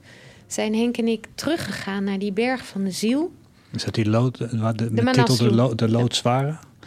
Kijk of ik de goede opzet, anders corrigeren ja, we dat. Ja, dat is de, nee, dat is niet de loodzware tocht. Dat is van de Everest, de NOS. Het is oh, dat is die andere. Ja, ik heb het andere stukje. Zal ik hem laten zien? Nou, misschien nog even daarover ja. toevoegend. Uh, we hadden die top niet gehaald. We zouden naar Tibet gaan. We konden Tibet niet inkomen. We zijn toen naar de Manaslu uitgeweken. Berg van de Ziel kwamen tot 300 meter onder de top. Hadden ons dus helemaal niet voorbereid op die berg. Ik was echt verliefd geraakt op die berg. Wilde daar terug. En ben toen met Henk alleen teruggegaan en een kok in het basiskamp. En dat was voor het eerst dat we het aandurfden om met z'n tweeën een team te vormen. Op die berg waren nog wel andere teams, maar dit fragment laat zien uh, dat wij naar boven gaan met z'n tweeën. Op dat moment waren we alleen, want we hadden net een ander ritme dan de andere teams. En dit fragment laat gewoon eigenlijk zien dat je meer kunt dan je denkt. Want dit was het moment dat ik dacht: ja, we durven het voor het eerst aan om het samen te gaan doen. Wauw. Prachtig. Ik heb de muziek even zacht gezet. Dan kun je als voice-over een paar dingetjes vertellen. Ja, dit is, uh, we gaan de gletsjer over boven het basiskamp naar het eerste kamp. Uh, daar zijn we nu aangekomen. We kijken nu naar de berg. We zijn hier aan het acclimatiseren boven kamp 1. We hebben gewoon een hele lichte rugzak bij ons. Het gaat alleen maar om hoogtemeters maken, de route leren kennen. Nou, hier zie je die gletsjerspleten onder ons. Hier zie je Henk. er is een vast touw aangelegd in een eerdere poging. We kunnen dus eigenlijk gewoon het touw gebruiken om weer naar beneden te gaan. Dit is een gletsjerspleet met een ladder. Gadverdikkie. Eh, ja, dat moet je nog wel vertrouwen dat alles goed vastzit, inderdaad. Dat vraagt telkens opnieuw vertrouwen. En helemaal zo meteen als we die gletsjerpuinhoop zien, en waar je toch denkt, hoe gaan we hier eigenlijk doorheen komen? Dat zie je op dit stukje. Ja, dus het vraagt dan uiteindelijk gewoon een, een stap zetten in je, eigenlijk in je leiderschap.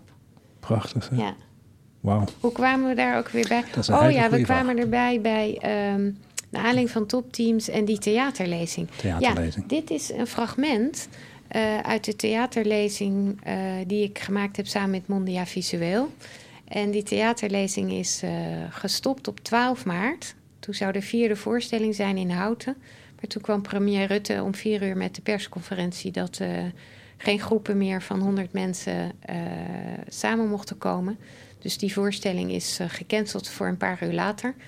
En de laatste drie voorstellingen, dus Houten, Steenwijk en Oosterhout, Brabant, die zijn nu verzet naar maart, 9, maart 2021. Dus als mensen daarheen willen gaan, dat kunnen ze ook vinden op mijn website. Eh, of via mondiavisueel.com. Dankjewel. Het was een heel cool gesprek. Jij dankjewel Ja, voor de tijd die we samen hadden. Mooi om, ja, om eh, te vertellen en eh, met je te praten. Dankjewel. Thanks.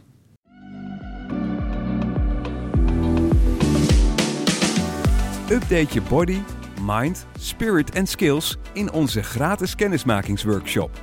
Ga nu naar newlifeuniversity.com/workshop.